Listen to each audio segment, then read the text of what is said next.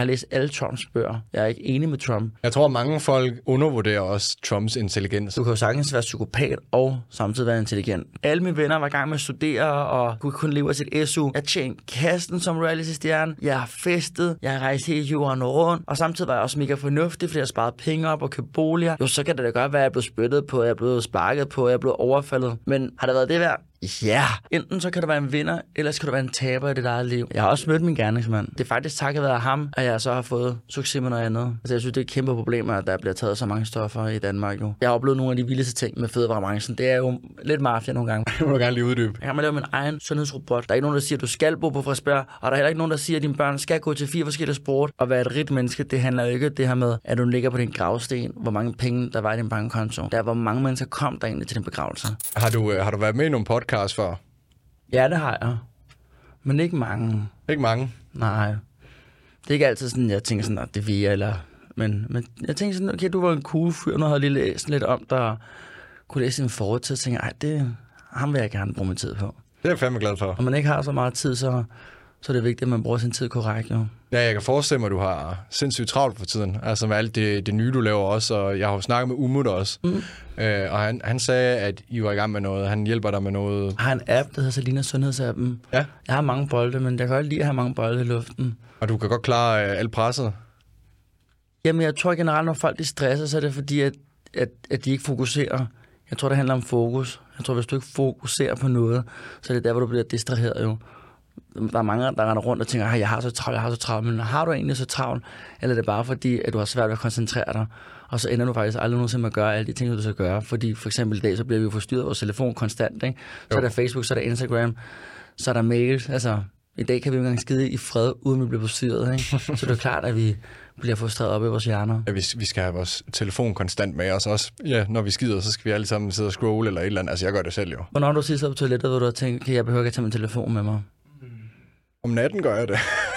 Når jeg, hvis jeg lige skal stå op om natten, men ellers så... Øhm, Er telefonen altid med dig, ikke? ja, næsten altid. Men er det ikke skræmmende? Jo, det er lidt skræmmende. At du, kan, du, kan ikke engang, du kan ikke engang give dig selv tre minutter til bare at være i fred og bare skide, uden du skal blive forstyrret. Men sådan er det med mange ting i dag. Altså distraheringer over det hele, og især den der telefon med hele tiden. Altså, det er Ja, jo... jeg har gjort en regel med mig selv, for eksempel med social media. Der er på nogle tidspunkter, hvor jeg bare slukker den, altså hvor jeg bare ikke er på. Og så må folk bare vente. Fordi det er vigtigt, at jeg også finder ro, og jeg finder fred. Og det gør man ikke, hvis du hele tiden bliver påvirket og får de her sanser hele tiden. Ikke? Jo. Det er jo sådan en slags narkotiker, altså det er jo en slags narko at have telefon, fordi folk er så afhængige, ikke? og det er derfor, at folk kan sidde i flere timer på TikTok, fordi de får de der hurtige fix. Folk kan heller ikke længere koncentrere sig for lange videoer. Man mister sådan tidsfornemmelsen ja. Også til det, ikke? Når man sidder Altså, altså, jeg, der det der. jeg er jo glad for, at der er podcasts, at folk kan, overhovedet kan koncentrere sig i at lytte noget i så lang tid, fordi generelt så er svært, så har folk rigtig, rigtig svært ved at koncentrere sig. Og det er også, hvis du for eksempel er influencer eller en person, der skal formidle noget. For mig er det utrolig svært nogle gange at formidle noget ud, fordi jeg ved, okay, jeg har højst 30 sekunder, fordi efter 30 sekunder, så har jeg mistet folk interessen. Og altså, nu er podcast jo også, altså de her podcasts, de ryger også ud på TikTok, men der kan mm. jeg jo bare se responsen og hvordan folk ligesom interagerer med det. Inden på selve podcasten, alle dem, der lytter til det hele, fyldt med kærlighed, fyldt med positive og, mm. og fede kommentarer, og, og folk, der virkelig føler, de, mm. når de har fulgt med i den her samtale, mm. de føler virkelig for meget ud af det. Mm. Hvor når man får det der korte fix ind på TikTok, så er man mere, tror jeg også bare tilbøjelig, fordi så får man dopaminkick af videoen, og så hvis man også lige kan skrive en negativ kommentar eller et eller andet, så kan man også få et dopaminkick ud af ja. det, og det er sådan, det er sådan en hamsterhjul, ikke? Man bliver slugt ind i. Det er en farlig verden, men det er også en verden, hvor vi selv kan, kan ændre det. Men heldigvis, nu er jeg jo fra generation 90. Vi er jo faktisk den eneste generation nu, som der begynder faktisk at bruge mindre sociale medier, fordi vi kan huske den tid, det var uden sociale medier. Ja. Og det synes jeg faktisk er rigtig, rigtig befriende. Hvad, årstal er du født, siger du? 90. 90, altså direkte 90. Mm. Jamen, jeg var fra 96, jeg kan huske lige dengang, jeg blev født der. Ja. Så jeg havde den der hybrid, jeg begyndte jo at få Gameboys og mm. Playstation og alt muligt, men det var jo ikke internet på samme måde. Jeg var stadig ude at lege og være et almindeligt barn, så jeg har ligesom haft de der begge verdener og set begge ting. Og jeg tror, det siger jeg tit, at jeg tror, at verden var et bedre sted uden internet, siger jeg, og er en del af en stor Ja, jeg, internetkultur. jeg, jeg, tror, jeg tror, du skal se det på den måde. Det er ligesom, du kan tage en kniv, og enten så kan du bruge den til at lave gummi med dig, eller du kan bruge den til at dræbe. Og sådan er det også med sociale medier. Enten så kan du bruge internet til at få viden og blive klogere og en mere intellektuel person, eller du kan bruge den til at blive dummere og formidle lort. Og det er sådan, jeg tror, man bliver nødt til at se det. For jeg tror, det er svært at skære det hele i en kamp og sige, det her det er forkert, og det her det er rigtigt. For det, det kommer ud, det kommer an på, hvordan du ser det jo. Så jeg, jeg tror, man skal passe på med at være sådan for firkantet i Jo, jo. synspunktet, fordi jeg kan huske, at min mormor levede, så var jeg da virkelig taknemmelig over, at der er noget, der fandtes, som der hed internet, fordi jeg kunne lige pludselig sidde i Danmark og sidde og tale med min mormor, og vi kunne se hinanden. Det havde vi ikke kunne gjort for 30 år siden. Mm. Så på den måde synes jeg, det var fantastisk. Ikke? Internet, de bringer jo sindssygt mange positive ting med, men du Og meget arbejde. Ikke? Altså, Ja. jeg ville ikke kunne leve af det, som jeg lever af, og du ville heller ikke kunne leve af det, som du lever af i dag, hvis mm. internettet ikke øh, fandtes. Nej, internet er en total skyld i min succes, mm. og jeg tror også, jeg har været sådan en i samfundet. Jeg har været lidt et, et odd eksempel i samfundet, hvis jeg ikke har haft mit internet. Mm. Så det har været en stor del af, hvem jeg er i dag. Men når jeg bare ser på, hvilken drejning samfundet har taget, og rigtig mange mennesker, det er jo så, at nogle mennesker, de kan kontrollere alt internettet, og, og hvad skal man sige, ikke bliver blinde af det, eller bliver fristet for meget, eller gør nogle dumme ting og bruger det. Men jeg har sådan et ordsprog, jeg siger, at før i tiden, der brugte vi internettet til at flygte fra virkeligheden. I dag så bruger vi virkeligheden til at flygte fra internettet. Føler jeg lidt. Men, ja. Altså, det, det er sådan min observation af det, men øh, Ja, ja, ja, ja, altså, ja nej. Jeg tror, at det største problem, der er bare, at man misinformerer rigtig, rigtig meget på nettet. Det tror, jeg tror, det er det, man skal passe på med. Fordi vi har en tendens til at tro, at hvis folk siger tingene nok, så tror vi til sidst på det. Og det er det, man skal virkelig passe på med. At man ikke tror på alt, hvad der står på nettet.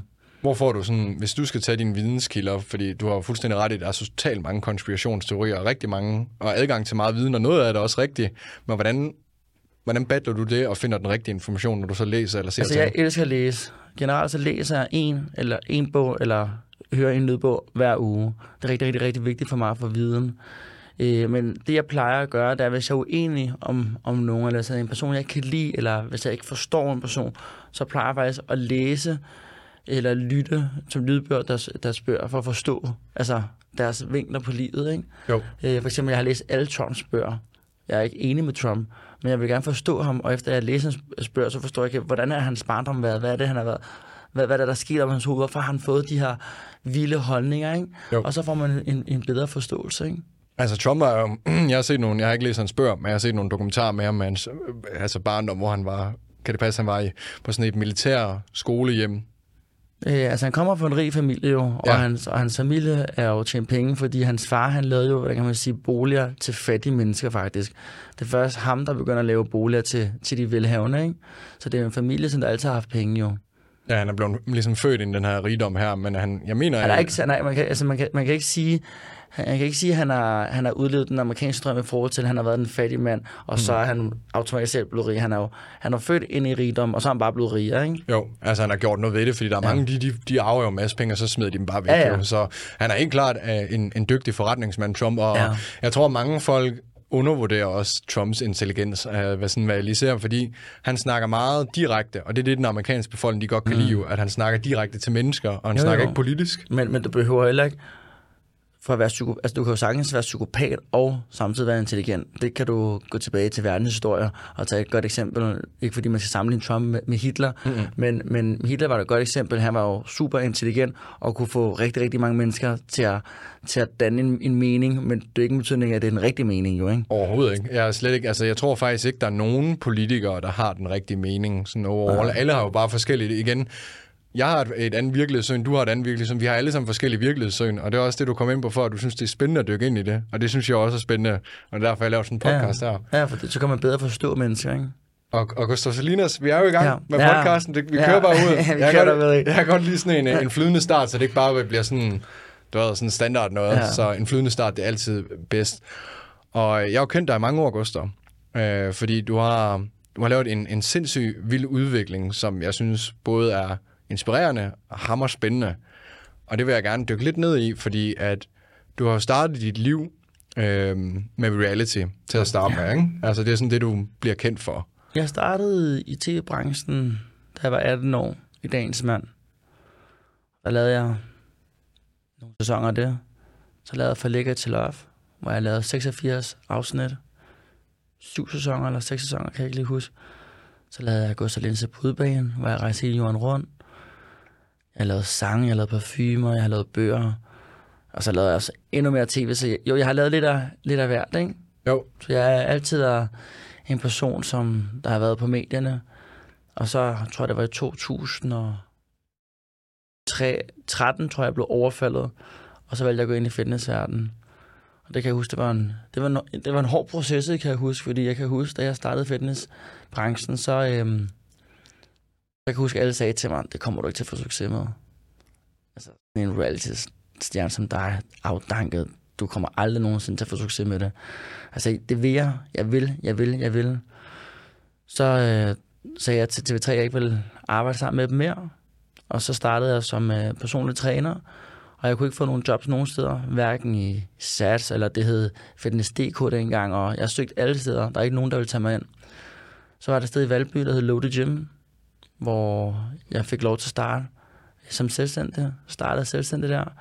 Så har der min lille forretning op, og så lige pludselig så tænkte jeg, fandme nej, nu vil jeg have mit eget fitnesscenter. Så åbnede mit eget fitnesscenter op i Hillerød. Så begyndte jeg også at sælge bøger, træningsudstyr, og så øh, begyndte jeg på online-universet, hvor folk sagde, at det kan man ikke. Online, det virker ikke. Det skal være personlig træning, jeg sagde, online, det kommer for at blive. Det bliver det store. Og alle folk sagde, nej, nej, nej, nej. Og det pludselig så var alle online coaches, og det var det største.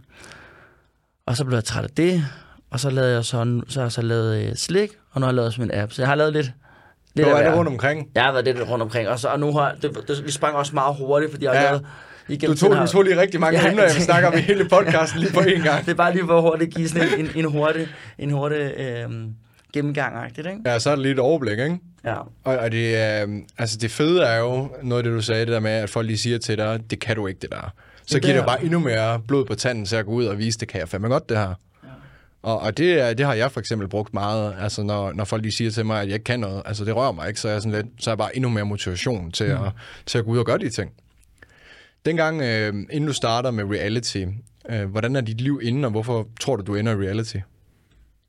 Jeg, øh, jeg havde faktisk en drøm om at blive kok. Øh, sådan helt ind, i, helt ind i hjertet. Der er også derfor, jeg er så glad for, at jeg har lavet så mange kogebøger. Jeg har jo solgt næsten over 100.000 kogebøger gennem tiden.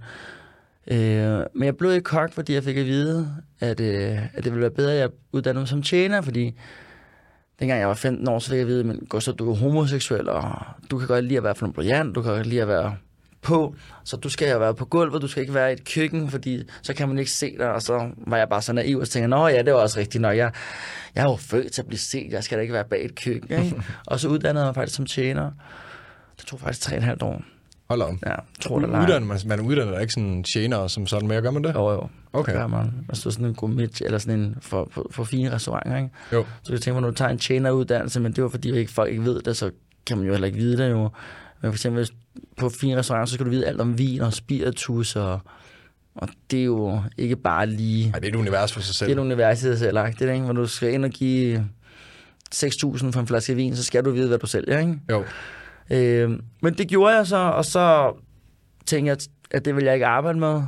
Øh, og så fik jeg så muligheden for at lave tv, og det tænkte jeg, den skal jeg bare tage. Og den tog jeg så også, bogstaveligt talt.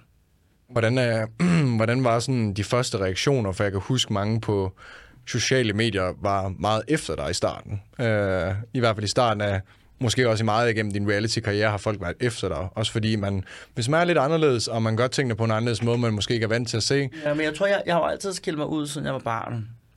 Så det har ikke, det, det har ikke sådan rigtig rørt mig så meget. Mm. Og jeg tror altid, jeg har været god til at håndtere. Jeg har været god til ligesom at, og lad det, lad det bare flyde.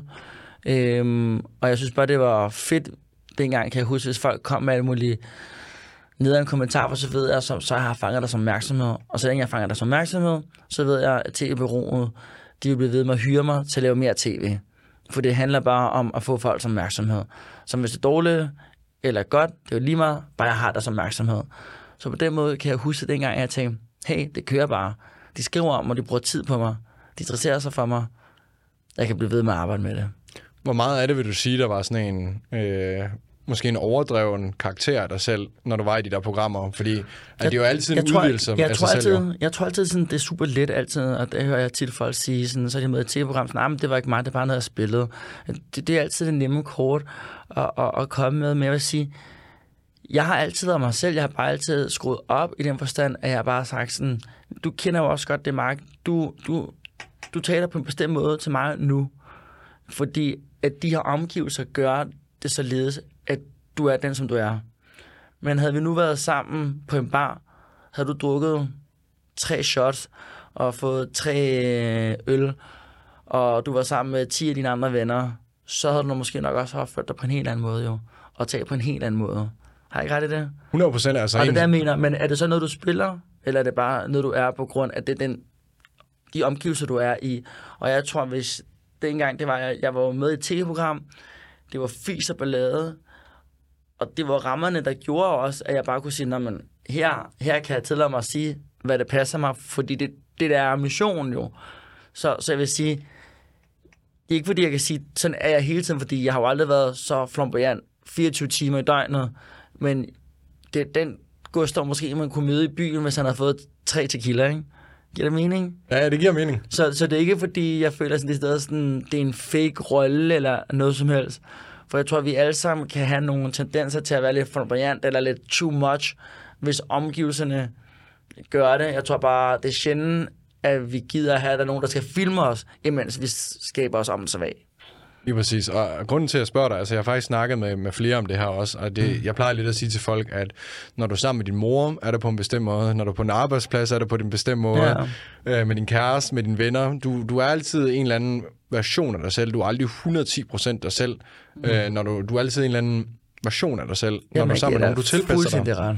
Og man tilpasser sig sit miljø, ikke? og det er sådan, mm. vi er som mennesker, vi godt lide at tilpasse os, mm. øh, og for at føle, at vi passer ind. Ikke? Så det var derfor, jeg, jeg var sådan lidt...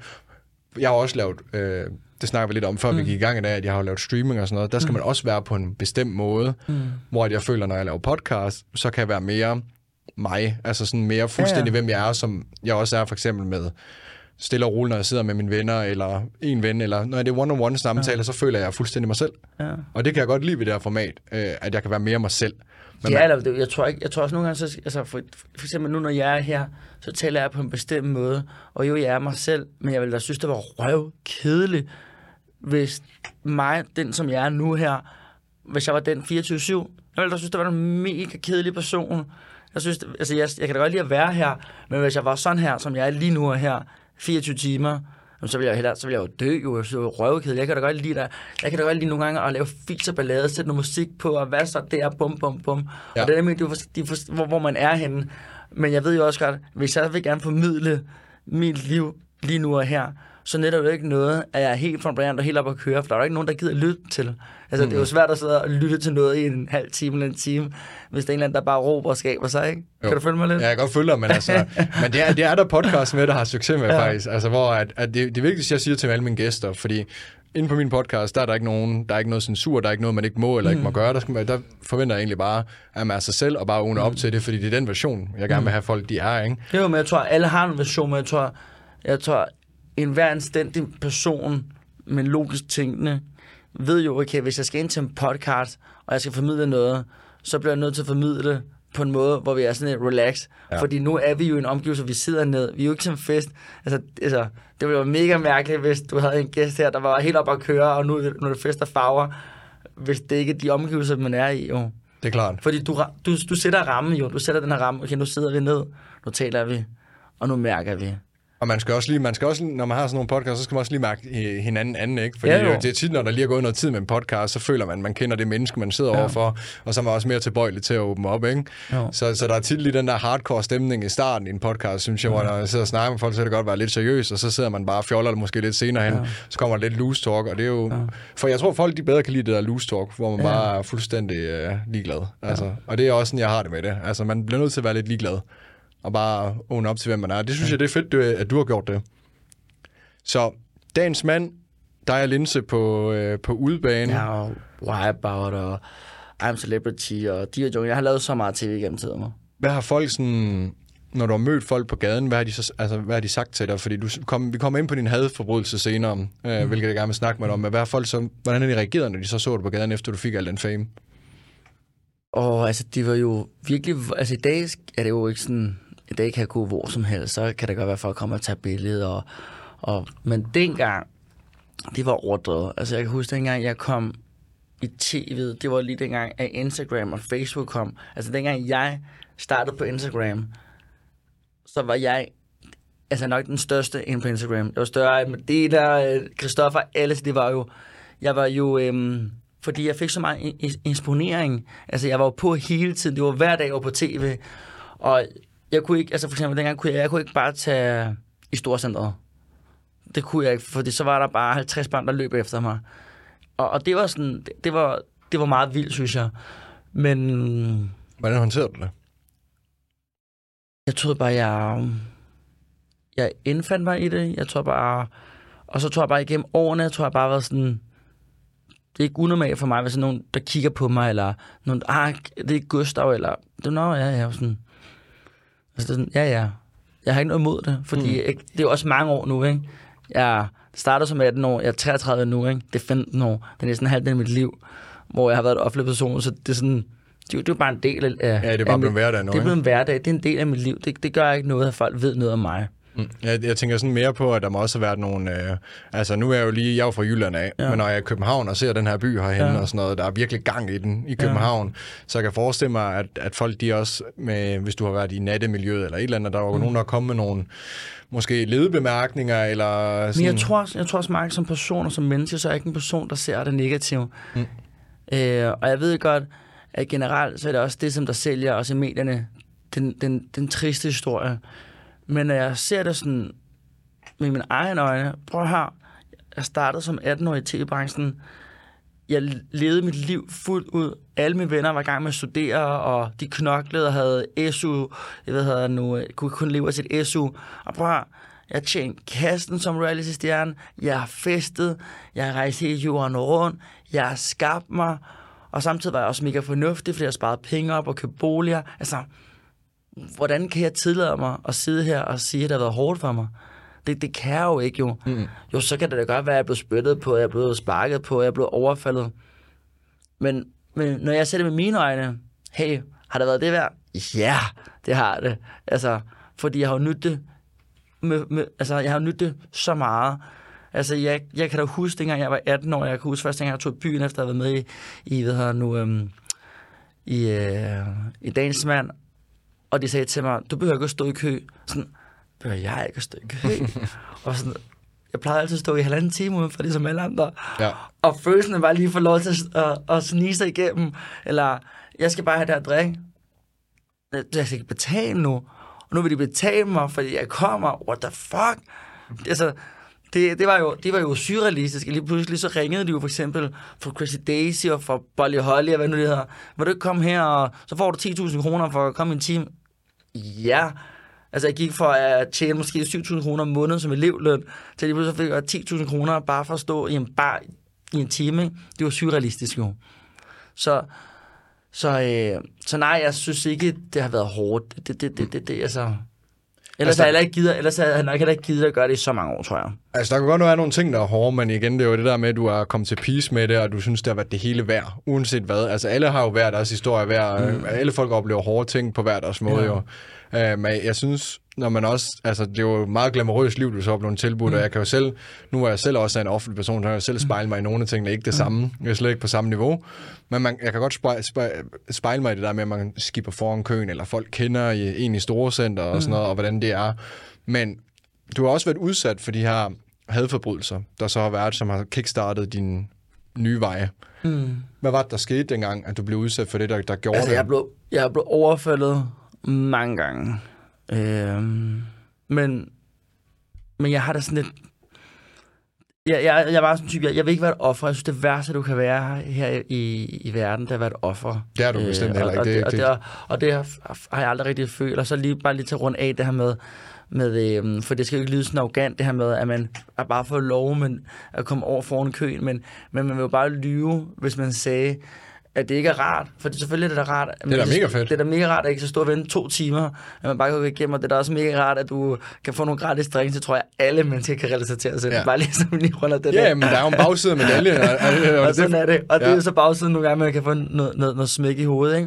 Ikke? Øh, men, men der, hvor jeg ligesom øh, vågnede op og sagde, nu vil jeg lave noget andet, det var, da jeg en aften var i byen som dissidens, og så var vi ved hovedbanegården, og så var der to fyre, hvor den ene valgte at kaste en flaske vodka i hovedet på mig. Den rendte som en baghoved. Jeg besvimede, væltede bagover, ramte en kantsten, flækkede med hovedet, vågnede op på Rigshospitalet. og for at vide, det var godt, at det ikke var værre, fordi det her, det kunne have været rigtig, rigtig slemmagtigt, ikke? Øh, og så sad jeg og så tænkte, hvis, tænk, hvis jeg havde vendt mit hoved, så havde jeg fået den der flaske lige i, i ansigtet, så havde jeg smadret helt mit ansigt, ikke? Øh, så det er jeg meget taknemmelig for i dag. Men der tænker jeg, enten så begynder jeg at træne, og begynder at, hvordan kan man sige, at kunne forsvare mig selv, ellers bliver jeg nødt til at leve et liv, hvor jeg hele tiden render rundt i angst.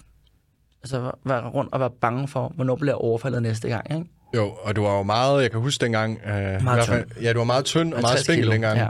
Og, og, Så, så det er noget af en god vending, du har lavet. Ja, og, der, og, det, og det, det, jeg vil komme med pointen, det er jo bare, enten så kan du være en vinder, eller så kan du være en taber i dit eget liv. Der er kun én, der vælger det, og det er dig selv jo.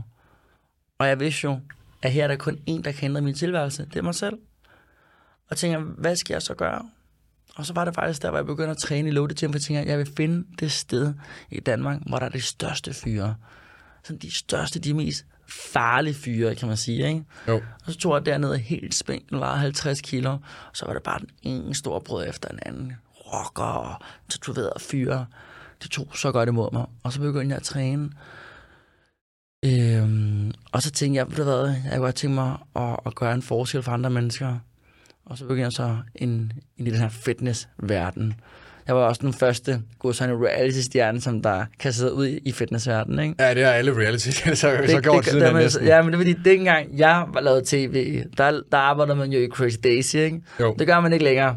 Men det er jo, de, når folk begynder sådan, ah, men alle de reality-stjerner, de, de laver nu øh, fitness, men jeg er da mega glad, hvis jeg har været et forbillede for andre reality-stjerner og sagt sådan, hey, det er bedre, at du træner, du passer på dig selv, end du drikker en jern ud og tager stoffer. Helt ærligt, skal vi ikke... altså, 110%. skal vi ikke lige klappe? Det det er jo Jo. fantastisk, ikke? Så til de mennesker, der er sure over det, de skal bare være glade for, at de også er med til at, at motivere og inspirere andre unge mennesker til at tage den sunde vej. Jo. 100 procent. Og alle de her overfald her, og, og du så har, hvad skal man sige, viljestyrken til at så gøre noget ved det. Det er jo de færreste mennesker, der, der, der har styrken til det. Nogen, de kan jo finde på at bare sige, well, fuck it, jeg trækker mig, og så er jeg ude af rampelyset, og jeg gør ikke noget ved det, og så ligger jeg bare og græder i min seng. Men du har jo en indre styrke indenfra, der ligesom sagde til dig, jeg gør fandme noget ved det. Ja, jeg har også det- mødt min gerningsmand. Ja, ja, ja selvfølgelig, du har været nogle retssager med, med de Ja, personer. jeg har, jeg har mødt ham personligt. Efter at du er blevet overfaldet, eller hvis der sker noget, så har, har de gjort det sådan i retssystemet, at du faktisk har muligheden for at kunne møde din gerningsmand og tale med ham. Okay. Og jeg valgte faktisk at mødes med ham og spurgte ham hvor, hvorfor, hvorfor han gjorde det mod mig. Ikke? Og, og hvor- hvorfor gjorde han det så? Jeg tror, han havde det rigtig, rigtig svært ved at forklare sig selv, fordi der ikke rigtig var nogen argumenter. Hans argument, det, det var faktisk, det vidste han ikke, men han var bare rigtig, rigtig pinlig over det. Han var rigtig, rigtig flov over det. Øhm, Tror, tror du ikke, det er nogen, når man gør sådan nogle ting, så må det være en eller anden usikkerhed eller noget mangel på selvtillid, man måske selv har, når man har behov for at gøre sådan noget ved andre mennesker, man egentlig ikke kender personligt, og bare se på tv. jeg tror, hvis man har behov for, hvis man har behov for at, at udleve vold på andre mennesker, så er det fordi, at man har svært ved at kommunikere, og man har svært ved at argumentere og debattere med andre mennesker. Ikke? Det er meget primitivt. Ja, Ja, Men, men jeg synes, det var rigtig rart at møde ham og se ham. Og se, okay, altså, han er jo bare et menneske. Altså, det er jo... Og det, det, det, det, det gjorde det nemmere for mig at komme videre også på en eller anden måde. har du tilgivet ham? Jeg er faktisk i dag... Jeg ved godt, det lyder mærkeligt, men jeg er faktisk taknemmelig for det. Fordi havde han ikke overfaldet mig, havde jeg måske kastet mig ud i et nyt eventyr, som jeg virkelig er glad for. Og hvis det ikke er på grund af ham, havde jeg måske ikke lavet fem forskellige kogebøger, lavet en træningsbog, øh, åbnet mit eget fitnesscenter, kastet mig ud i alle de andre ting, som jeg har gjort. Så det er faktisk takket være ham, at jeg så har fået succes med noget andet. Ja, man siger jo, at den, den bedste hævn er succes, ikke? Det tror jeg virkelig også. Øh, men jeg har aldrig været vred på ham. Det har jeg faktisk aldrig. Mm. Aldrig. Altså, det er jo, man siger jo, at, at hvis man tilgiver altså, nogen for noget, at tilgivelse det sætter en fri. Altså, det er jo det, man ligesom siger, at hvis man ikke tænker over at bare, fuck, den her person har bare ødelagt mit liv, og man bliver ved med at, at sende negative energier ud øh, til de mennesker, så giver man jo også en eller anden form for magt og energi, ikke? Jeg tror, det værste, som man kan opleve som menneske, det tror vi alle sammen har oplevet, det er, når folk er ligeglade. Det er ligesom, hvis du er forelsket, og vedkommende er ligeglad med dig. Det, der er ikke noget, der er værre jo. Der er ikke noget, der er værre, at føle, at man er forelsket en person, og vedkommende er så ligeglad med en, ikke? Jo. Så føler man sig magtesløs, ikke? Så jeg tror, at det bedste, man kan gøre for at komme videre, det er faktisk at være ligeglad. Og det valgte jeg også dengang, jeg siger, nu har jeg set ham, og nu skal vi bare videre. Lige præcis. Jamen altså, det er jo især det, er jo det der med, at man ikke giver folk magt tilbage, fordi det, hvis der er mange, der er kritiske eller ikke kan lide en, og man så giver dem magt tilbage ved at give dem den opmærksomhed, Ja. der, så, bliver, så får de en eller anden magt jo, og så bliver de ved. Men prøv at tænke, hvis nu jeg havde tænkt sådan, ah, men jeg blev overfaldet, nu har jeg angst, og nu, nu kan jeg ikke mere, og jeg bliver nødt til at være, nu er jeg stresset i tre år, fordi jeg kan ikke, jeg kan ikke komme ud af min dør. Altså, det, det gider jeg da ikke. Altså, han, har, han har overfaldet mig en gang, han har smadret mig, han skal jo ikke, han skal jo ikke blive ved med at styre mit liv, jo, ikke? Mm. Altså, done. Men altså, man får jo også noget, noget straf for det der. Jeg kan jo forestille mig, altså, når man gør sådan noget der, så ødelægger man også sit eget liv. Altså, fordi ja, man skal være rimelig dum, synes jeg i dag, hvis du går ud og overfalder en, med, med, og så ikke har det i mente, at du faktisk bliver straffet for det. Altså, jeg kan huske dengang, der var jo ikke så mange regler med Facebook, hvad du må dele og ikke må dele og sådan noget. Hvor mange sagde sådan, hvorfor, hvorfor deler du ikke en billede af ham? Hvor jeg sagde sådan, bare fordi jeg kan, behøver jeg jo ikke at udlægge hans liv. Mm. For jeg vidste jo godt på det tidspunkt, der havde jeg måske en 150-200.000 følger, jeg kan ikke lige huske på Facebook. Der vidste jeg, hvis jeg lægger et billede ud af ham, så får han det rigtig, rigtig svært. Men behøver jeg, behøver jeg som menneske, som det ved, bare udlægge ham? Mm. Bare for at hævne mig? Bliver jeg et bedre menneske? Overhovedet ikke. Er jeg et forbillede? Nej. Og derfor lod jeg være. Men der, der var mange, der virkelig ikke forstod det. Altså, jeg havde mange diskussioner med mange af mine venner, der bare sagde, at jeg skulle, han skulle bare ud, og han skulle bare, han skulle bare fortælle, hvem han var. Ikke? Jo, men altså hævn, det løser jo ikke noget. Det, det kører bare konflikten endnu mere videre, og så kører det endnu mere ud. Så, så det er at sætte tingene fri, og så bare komme videre fra det, og det, det er sgu det bedste, man kan gøre. Så jeg tror, det er godt det helt rigtige. Jeg vil gerne snakke også om, øh, om de slik, fordi det synes jeg er spændende. Og så er det jo bare generelt din iværksætterhistorie. Jeg synes, det er utrolig inspirerende, at du går fra at være en reality-deltager, til nu er du en succesfuld iværksætter, der har en pissefed forretning. Og det er jo faktisk derfor, jeg har taget dig ind i dag, Gustav, mm. fordi at det, det vil jeg gerne dele med folk, fordi det er jo en inspirerende historie, man kan sgu, hvad man vil, ikke? Mm. Så nu jeg også gerne med, nu har jeg lige haft Henrik Duer ind og snakke mm. om, øh, om fitness, fordi at du vil rigtig gerne hjælpe folk, og det vil jeg også rigtig gerne. Og noget af det, folk de døjer rigtig meget med øh, i, i hverdagen, og på grund af, at vi har et samfund fyldt med fristelser, vi snakker lidt om, om telefonen tidligere, så er det også alle fristelserne i supermarkeder, eller hvis man er ude i butikker, eller i et store center, eller hvor det nu er, så er der altid de, de hvad skal man sige, de kaloriefyldte ting, der bliver promoveret først. Mm. Så rigtig mange, vi ser jo en stigende overvægt i Danmark. Hvad er ifølge dig den bedste metode ligesom at få vendt sit liv, hvis man er svært overvægtig? Hvad er det første skridt, man skal tage? Mm. Altså jeg tror, at i bund og grund, først og fremmest så handler det om, hvorfor er det, man har det misbrug, som man har med mad. For man kan sige, når, når, når du kommer til at veje ekstremt, der er forskel ved at veje 5 kilo for meget, og lige pludselig veje 120 kilo for meget. Og når du vejer 120 kilo for meget, så er det, fordi du har et misbrug som mad. Øhm, og ud fra hvad du har fortalt eller ud fra hvad du har sagt, så, så skal man også sådan differentiere det i forhold til, for der er en ting, der er, hvordan den måde, vi bliver påvirket af diverse virksomheder i forhold til, hvad vi æder, og hvordan vi bliver afhængige af ting, og den anden, der er, hvad vi selv gør. Øh, fordi selvfølgelig har vi da et ansvar, hvad vi propper i munden, men det er også svært at tage det ansvar, når man bliver afhængig af ting jo. Ligesom man kan blive afhængig af smøg og alle mulige andre ting. Øh, og, og jeg tror jo for eksempel, af sådan et samfund, som, som der er i Danmark, der skal vi blive endnu bedre til at formidle viden. Et godt eksempel, dengang jeg var barn, der sagde min mor, du må, du må gerne få cornflakes, men det skal være de sunde cornflakes. Dem uden sukker.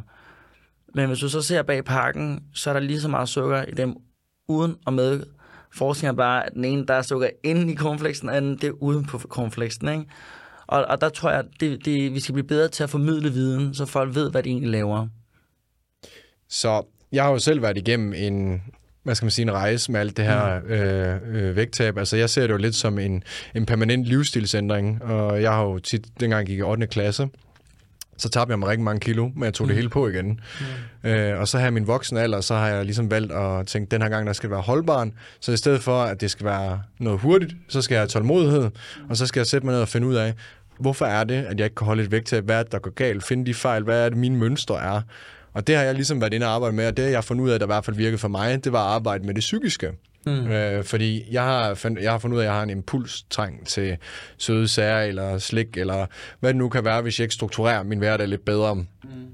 Så det er det psykiske og mentale. Når jeg for eksempel, nu har jeg en stor følgerbase, og når de skriver til mig, jeg vil mega gerne tabe mig, hvad skal jeg gøre for at tabe mig, hvordan gør jeg de her ting, hvordan kommer jeg i gang med det, så har jeg altid været sådan lidt, jeg ser det meget individuelt, fra person mm. til person, til hvordan de skal tabe sig. Jeg er ikke nogen ekspert på det her, altså, det kan godt være, at jeg har fået succes nu og komme ned på en vægt, hvor jeg ikke er overvægtig længere og, og træne mm. lidt, men jeg ser mig stadig ikke som en eller anden master, der kan lære ud fra sig, fordi jeg ser det bare som om, jeg stadig er på den her rejse, og jeg bare skal gøre det bedre.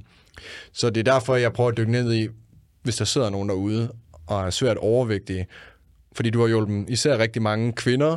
Men jeg tror, jeg tror, jeg, jeg tror, at bund og grund, når du skal tabe det, det er, jo, det er jo det er så komplekst, som du selv siger, fordi det er så forskelligt, og alle har en forskellig historie. Ja, selvfølgelig er der noget bare rent fakta. Altså, det var fakta, det her med, hvis du gerne vil tabe dig, underskud, kalorier, træn noget mere. Det ved vi ja, alle sammen. Det er, det er, bare, ja, det er meget simpelt. Det er, jo, det er jo, hvad to plus to er, det er fire. Det, det ved vi alle sammen, ikke? Øhm, men, men men jeg tror, det handler om at finde ud af, sådan, hvad der motiverer en, hvad der inspirerer en, og finde ud af, hvorfor er det, man vil. Altså, øh, og så også måske også finde ud af, hvad det for konsekvenser det har, hvis man forudsætter med tingene. Ikke? Og så tror jeg også, det handler om at finde nogen, der kan give en den hjælpende hånd nogle gange. Ikke? Altså, jeg tror, vi alle sammen har behov for en slags mentor. Øhm, og den måde, som jeg har arbejdet rigtig, rigtig meget på, især på, i, da jeg arbejdede på gulvet, det var at give folk troen. Jeg tror også, så længe at du tror på folk, så tror de også mere på sig selv jo. Vi kan alle sammen huske, dengang vi var børn, den lærer, der troede på os, der havde vi en kæmpe stor respekt og ja. kærlighed til. Dem, som der ikke troede på os, dem, der talte dårligt til os, dem havde vi ikke så meget respekt for. Så jeg tror, hvis der kommer, altså det har jeg i hvert fald oplevet, det er et godt eksempel, en der hedder Natasha, som du kan se ind på min Instagram-profil. Hun startede på 200 kilo. Hun har prøvet alt, som i alt. Hun sagde til mig, der er ikke nogen, der tror på mig. Jeg sagde, Natasha, jeg tror på dig. Jeg ved, at du nok skal klare det her. Du skal nok klare det. Jeg lover dig det. Startede stille og roligt. Bare nogle gåture. Begyndte at skrue ned for nogle forskellige fødevarer. Nu var hun 80 kilo. Ej, det er vildt. Og blev et helt andet menneske.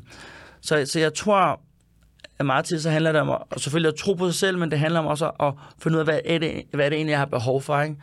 Øh, har jeg behov for en, altså jeg har behov for at tro på mig selv, men så har jeg behov for en, der kan give mig det, altså sådan, finde ud af, hvor kan jeg fange de forskellige ting, ikke? Er det noget viden, er det noget træning, er det, altså hvad, hvad, hvad, hvad er det, jeg har behov for? Jeg tror også, det handler lidt om, at man øh, ligesom øh, finder troen på sig selv, fordi hvis du ikke tror på det, hvorfor skulle andre så tro på det, ikke? Altså, ja. så hvis personen ikke selv tror på, at de kan gøre det her, så, så kan du heller ikke gøre det. Ja, fordi... og så, ja, du har ret i det, du siger, men samtidig har jeg også prøvet, hvor jeg har haft nogle klienter, der ikke har troet på sig selv, og sagt sådan, selvom du ikke tror på det, så bare gør det alligevel. Men så er de, mens, mens du så har motiveret dem, ja, ja. så har de så fundet troen på sig selv. Ja, for det, så, så er de løbende kunne se, at det virker. Ja, så det er ligesom dig, der har været med til, at de finder troen på sig selv, men det er først, når de virkelig finder den der tro på sig selv, at der så opnår markante resultater. Når de først finder ud af, at de faktisk ikke har behov for mig alligevel, så er det fantastisk. Jeg plejer at sige, dengang jeg arbejdede med det, hvis jeg havde en kunde, der ikke har behov for mig mere, så, så har jeg gjort mit arbejde ordentligt. Fordi så kan hun jo flyve selv. Så kan de flyve selv? Præcis, så, så har de allerede, det er jo ligesom, du, du lærer dem ligesom at, du sætter dem op på cyklen, og så lærer du, øh, så tager du støttepedalerne af, og så og cykler de, og så det er, cykler de selv. Det er, det er, det er ligesom formålet, ikke? Men jeg synes jo, det for, for eksempel, at det er et interessant emne, fordi man kan sige, at den største folkesygdom på verdensplan, det er jo, det er jo overvægt, ikke? Og der er øh, stigende af det, ikke? Altså, hvis jo. du sådan ser det på... I 2030 vil der være cirka en kvart milliard børn, som der er overvægtige. Og der er aldrig nogensinde før i verdensplan været så mange folk, der får diabetes. Mm. Og tage sådan et land som i Kina, for 30 år siden, vidste ikke engang, hvad diabetes var. Nu er det et kæmpe problem for dem. Og det er, jo, det er jo også det mad, vi spiser, ikke? Jo, altså... og, det var, og, der, og der kan vi gå tilbage igen, da du snakker om, om de virksomheder, der jo taget mange af de asiatiske lande, de havde jo ikke de her problemer for 30 år siden. Hvorfor har de dem nu? Det er, fordi de har fået vestlige produkter ind i deres land, ikke? Jo. Og, og det er jo skrækkeligt.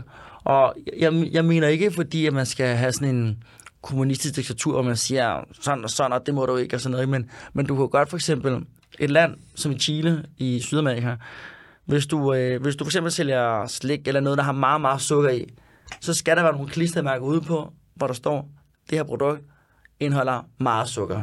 Så det står knivskarpt, så alle forstår det, ikke? Så man ikke sidder for eksempel og tænker, nå, hvis det, hvis det er en cornflakes uden sukker udenpå, så, og den, og, altså uden sukker og med sukker, så må den med uden være sundere. Men hvis du ikke, altså, hvis du, ikke, du kigger måske ikke lige bagved, eller forstår, hvordan det står tingene bagved, ikke? Det handler om, at i stedet for, at man ligesom går ind og kontrollerer, hvad folk de må indtage, så handler det om at oplyse folk. Ja, oplyse, tænker jeg helt klart. Vi skal, vi skal blive bedre til at informere øh, øh, tingene til os, ikke? Jo. Altså opløsningen, fordi at jeg, jeg ser det sådan, at uanset hvis man så gør det ulovligt, og det er jo ligesom, man ser det også med, lad os sige, cannabis, eller hvad det er, uanset om man så gør det hvad skal man sige, u- ulovligt at gøre det, så er der stadig folk, der vil blive med at ryge deres cigaretter, der er stadig folk, der vil blive med at ryge deres øh, cannabis, eller hvad det er. Så selvom at du prøver at sige, det her det må du ikke, så er det bedre at oplyse. Og det ser man også for eksempel lande som, hvis man tager et land som Portugal, som har haft en anden tilgang til for eksempel stoffer. Nu er det ikke længere ulovligt, nu det, ser, bliver det set som noget, vi skal behandle og give dig hjælp til. Så er det bare plummetet, fordi der er oplysning, i stedet for, at man siger, det her det er ulovligt, det må du ikke. Fordi når du ikke må noget, ja. Så har du endnu mere lyst til det. Men det er, jo, det, er jo, det, er jo en, det er jo en svær balance, ikke? Det er jo en svær jo. balance, fordi for eksempel skal man gøre ting lovligt, som cannabis jo, det skal man, hvad, med, hvad, hvad så næste? Er det så coke? Fordi, altså, og så kan man jo blive videre og videre og videre. Ja, ja, der er forskellige, der er forskellige holdninger, ja. holdninger og, til og det. jeg tror, det er, det er svært, og jeg har i hvert fald ikke selv svaret på det. Mm. Øhm, altså, jeg, jeg, ved, altså, jeg, har jo, jeg er meget konservativ i forhold til med stoffer jo. Altså, jeg synes, det er et kæmpe problem, at der bliver taget så mange stoffer i Danmark jo. Og jeg kan simpelthen ikke acceptere det. Jeg kan, jeg kan slet ikke være i det. Mm. Forleden dag, så gik jeg faktisk for en arrangement, fordi folk tog stoffer, så det gider simpelthen ikke være en del af. Så skrev mm. jeg. Men ser du ikke også et problem med, øh, at vi har, vi har også en vild alkoholkultur i Danmark? Det er vel ja. egentlig også, øh, det er jo også, alkohol er jo også en, en stor, hvad skal man sige, dræber. Ja, det, det, det er også et stort problem, men jeg ser det slet ikke som et lige så stort problem som, som, som narkotika. Synes, stoffer er forfærdelige de dræber, de ødelægger. Og især et land som i Danmark, hvor der er så mange psykisk syge mennesker, tror jeg bare, det er forfærdeligt. Og man, man kan også tænke sig lidt, hvordan kan det egentlig være, at der er så mange mennesker, der behøver at tage stoffer, men det er fordi, de kan lide at være, hvor de er, ikke? Jo, det er fordi, de vil have, de vil have en anden virkelighed. De vil have, og de, vil have en virkelighed. De ja. kan ikke lide den virkelighed, de lever i, og det er jo frygteligt jo, ikke? Jeg siger ikke, jeg siger ikke, at jeg er bedre end folk, der tager stoffer, eller det er ikke det, jeg mm. siger. Jeg siger bare, at det er et problem, som man skal tage dybt alvorligt. Og, og grunden til, at jeg ikke tager stoffer, det er fordi, dengang jeg var de der 14-15 år, så så jeg en af mine meget, meget tætte pårørende få en hashekose. Og når du har set en de, de mennesker, du holder allermest af, blive lukket på en lukket afdeling, og han kigger dig dybt i øjnene og siger til dig, de holder mig fange her, du holder mig fange, hvorfor er det, du propper mig herind, hvorfor propper I mig herind? Så, så får du bare respekt for det. Ja. Altså, så, så det er der påvirker dig fremadrettet? Men altså... Sindssygt meget. Prøv at hvis jeg ikke haft de oplevelser som barn, så havde jeg så meget taget kok i dag. Bare alle, altså, du kan ikke tage til en arrangement i dag, jo. Mm. Altså, nu er jeg lige blevet single. Hver gang jeg til byen, de, de, de tager alt sammen coke. Altså, tager de alle mulige ting. Jeg har lige været i Berlin. Det er endnu værre. Har nogen så været i Berlin? Nej, jeg har hørt rigtig mange historier om Berlins ravefest. Og, altså, jeg har været i ja. Berlin. Jeg var, det var sindssygt Berlin. Folk, de bare tog den ene bane efter den anden. Det var på gaden. Altså, det var åben. Det var sådan... De, det var ikke sådan, du ved vi går lige på toilettet. Mm. Altså, det var så offensivt, hvor jeg bare tænkte, wow. Og det synes jeg er jo skræmmende. Det kommer også, jeg tror lidt, det kommer an på, hvad for en slags stoffer det er, fordi at, at jeg tror, at coke er, det er en af de, de, de slemme, vil jeg sige, hvor der er også noget, nogle stoffer, den, den måde jeg ser på, der bliver brugt til medicinsk behandling, altså folk, der har øh, kronisk migræne eller PTSD, så er der jo ligesom nogle undersøgelser. Nå, hvor, jo, jo, ja, men, men man kan bare ikke sammenligne det jo, ikke? Fordi nej, nej, du kan, til hverdagsbrug. Du, du, du, du, kan ikke, du kan ikke sige, øh, morfin, jamen morfin er jo lavet til, hvis du har smerter jo. Du er ikke lavet til, at du skal dope dig med, med, med, med morfin jo. Mm. Så jeg tænker sådan, en, jeg, jeg synes, man skal holde tingene adskilt og sige, hvis du er syg, så kan det her stof være en redning for dig. Men hvis du ikke er syg, så er det ikke en redning, så ødelægger det dig bare agtigt, ikke? Jo. For du, du kan ikke argumentere på, hvorfor øh, Jens på 23 æder tre pakker morfin hver dag, altså, når han ikke fejler noget, vel? Nej, nej. Men du kan argumentere, hvis nu han havde tre diskupsolapser og var lige blevet kørt ned, og kan næsten ikke være i sig selv. Det altså, jeg mener, ikke? Jo, altså, jeg, jeg, jeg er sådan en type, der, der, der synes, at nogle stoffer burde legaliseres, så længe alkohol er tilladt. Øh, og det er for eksempel sådan noget som cannabis. Og så er der selvfølgelig nogen, der har negative oplevelser med det, men ja, der er jo meget større dødelighed ved for eksempel alkohol, end der er ved for eksempel cannabis. Øh, så jeg synes noget som cannabis, uanset om staten går ind og øh, hvis, hvis de bliver ved med at gøre det ulovligt, altså den, den kamp er tabt på forhånd, fordi dem, der vil ryge det, de bliver ved med at ryge det, og så er det alle banderne og så videre, der tjener penge. Så det er igen det der med, jeg tror, hvis man oplyser folk om det, og det ikke er sådan nogle shady typer, folk går ud og køber det af, mm. og der er mere oplysning, og der er mere men det, er sikkerhed jo- bag men det. det er jo en svær, det er det er en svær dialog, synes jeg, fordi ligesom, ligesom for eksempel at sidde sammen med Henrik Due, hvor man siger, at nogle virksomheder, de skal virkelig lade være med at, at promovere deres crap. De skal lade være med at promovere usund mad, fordi usund mad, det dræber mennesker. For eksempel sukker, det dræber mennesker. Der er flere mennesker, der dør af overvægt i USA, end der bliver skudt, du ved ikke. Det er jo farligere, altså, mm. forstår mig ret. Altså, de dør af det, de fucking æder, ikke? Men hvis man så skulle gøre det ulovligt, så er det det samme. Hvorfor skal man gøre det ulovligt, ikke? Kan du, kan du følge mig pointen? Jeg kan godt følge dig. Fordi så vil, du, så vil din argument være, jamen så vil de bare finde den andet sted. Så vil der sidde nogle andre, så vil der være bander lige pludselig, der sælger crap mad, fordi det er bare folk, de vil have sig. Kan du følge mig pointen? Det, er jo- det er jo svært, det er jo svært at finde en balance, hvad der er rigtigt, hvad der er forkert. Ikke? Jeg, jeg tror, det handler også lidt om, hvor liberi, øh, liberalistisk mindset man har på det. Fordi hvis, jo, jo mere liberal man er, jo mere synes man bare, at alle øh, euforiserende stoffer skal være tilladt. Det er der mange, der synes. Altså, jeg snakker med flere i podcasten også, der synes det. Mm. Øh, så jeg tror, det handler... Og det, og, det- og, men problemet er bare, det er jo fint nok at have en liberal holdning, men når du lever i et samfund, som der ikke er liberal, altså vi er jo et socialt samfund, socialistisk samfund, hvor vi hjælper hinanden, altså... altså Ej, vi er også delvis øh, kapitalistiske jo. Altså, jo, men det- vi jo, vi er jo socialistiske i den forstand. Vi har offentlige skoler, vi har også hospitaler. Det hele er jo baseret på en sammenhold. Altså, du, altså selv, selvom du prøver at være super liberal i Danmark, så vil du ikke være liberal. Der er ikke, der er ikke nogen partier, der vil ind og sige, du skal betale selv for din sygehus, du skal betale selv for, for det ene eller andet. Og Nej, nej. problemet er bare, hvis du siger, vi skal gøre alt lovligt. Okay, men hvem skal så betale, når folk bliver syge? Det er der og mig alligevel jo. Ja, men det kan man Så jo... hvis, så hvis du vælger at sige, okay fedt, nu kan jeg få lov til at bare tage rigtig meget coke og fuck helt min hjerne op, og nu er jeg helt crap, og du ligger på hospitalet bagefter, det er også alle sammen, der skal betale for dig. Og, det- og det er samme... Og det er det, jeg mener, det, Ja, ja. det, det er der, hvor, hvor, hvor dilemmaet er jo, fordi det er jo fint, når jeg er også meget liberal og tænker, man skal bare gøre, hvad man vil. Men hvis det har en konsekvens for os andre, så, så dine handlinger, de har jo en betydning for mig. Jo. Altså, det, det er faktisk ikke, det er ikke lige præcis kokain, jeg tænker. Det synes jeg, øh, personligt selv synes jeg ikke, det skal være lovligt. Ja. Øh, det synes jeg personligt ikke selv. Altså, det er faktisk kun cannabis, jeg lige har, jeg synes, der skulle være lovligt. Ja. Øh, men man kan jo Men, ved- men ham, som der tager kokain, han kan sikkert kommentere tusind gange, og han kan sige, jamen når jeg tager kokain, så kan jeg arbejde, jeg kan have en velfungerende... Altså, jeg kender jo mange mennesker, der har store stillinger, der tjener kassen, og der kører der ud af, som der bare tager coke. man vil altid forsvare sit misbrug, jo. Er det, jeg mener? Men og jeg, jeg kender ikke særlig mange, der tager sindssygt meget hash, der kan arbejde mm. 70 timer om ugen, fordi altså, du, altså, ud fra hvad jeg har set, jeg kan jo ikke, jeg kan ikke argumentere på den måde, sådan, sådan er det, men bare ud fra hvad jeg har set, så når folk tager meget, ha, ryger meget hash, så bliver du bare mere sumpet jo. Det er ikke fordi, du, du får meget energi af det, selvfølgelig er der sikkert nogle tilfælde, men du forstår, hvad jeg mener, ikke? Men, men så kan man jo vente... så kan de sidde og argumentere hen og så kan de sige, at jeg gør sådan og sådan. Altså, det er jo, det er jo så svært. Ja, og der er også det der, så kan man jo også vente den om, fordi så det, jeg plejer at sige, det er, når folk så drikker, så bliver det en helt anden personlighed, og bliver måske mere voldelig og aggressiv, og det gør folk, der ryger hash, ikke, for eksempel. Mm. Så der er benefits og, og, og, og, og negative ting ved det hele. Mm. Så det, det er svært at finde ud af, hvad er rigtigt og forkert. Men de snakker jo om, politikeren lige nu, så vidt jeg ved, at legalisere det i København, altså cannabis, og ikke noget mm. andet. Ja, ja. Øh, og så må vi jo se, hvordan det går. Altså, jeg synes, jeg opfordrer bestemt folk til ikke at tage nogen stoffer overhovedet. Og jeg opfordrer også folk til at lade være med at drikke alkohol. Jeg drikker selv alkohol, men det er bedre at lade være. Men ja. det er jo nemmere sagt end gjort, ikke? Ja. Men alle folk er forskellige, og nogle folk, de, øh, de vil ryge det, nogle folk, de vil drikke, nogle folk, de vil gøre det ene og det andet. I'm not the one to judge. Jeg synes bare, det er en spændende samtale. Jo, jo, og du kan, også, du, du kan jo gå tilbage i fortiden. Vi har jo altid dopet os med et eller andet lort. Ja. Altså, det er ikke sådan...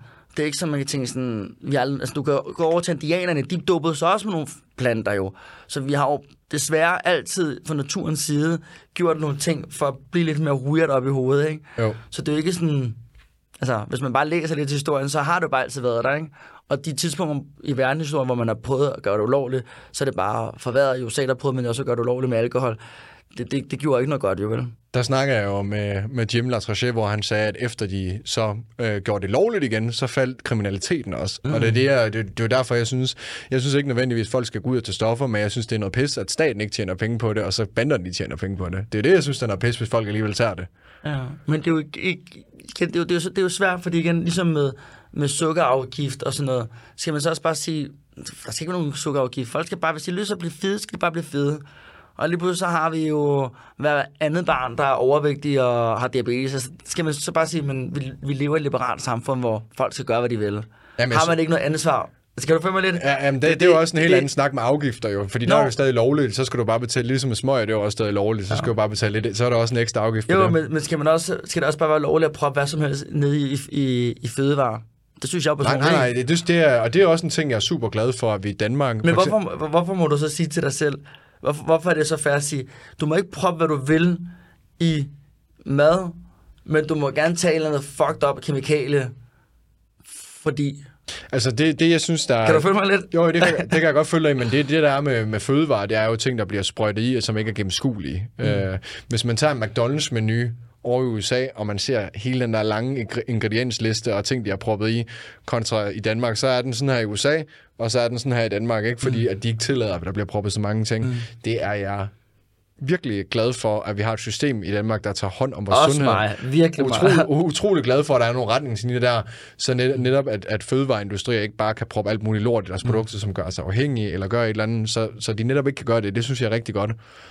Men det er der, hvor jeg siger, at hvis der så er et produkt, hvor det gør os, kan gøre os afhængige, for eksempel alkohol eller cigaretter, for eksempel på cigaretter, selvom du køber dem, der er jo billeder over det hele på, en- på en cigaretpakke med den Og det, ene har, sygdom. og, og, det, det gør ikke en forskel, folk bliver ved med at købe lortet, ikke? Jo, det gør ikke nogen forskel, men det, det, det er der, hvor jeg siger, oplysning tror jeg virker bedre end begrænsning mm. øh, frem for andet. Men igen, alle, alle folk har forskellige synspunkter. Ja, men på jeg, jeg, har, jeg, har, jeg har desværre, Mark, jeg har desværre ikke selv en decideret retning, hvad der er rigtig forkert, fordi jeg ikke føler selv, at jeg har svaret. Nej, Der, der, det eneste, jeg bare ved, der er bare, at jeg har set med egne øjne, hvor galt det kan gå.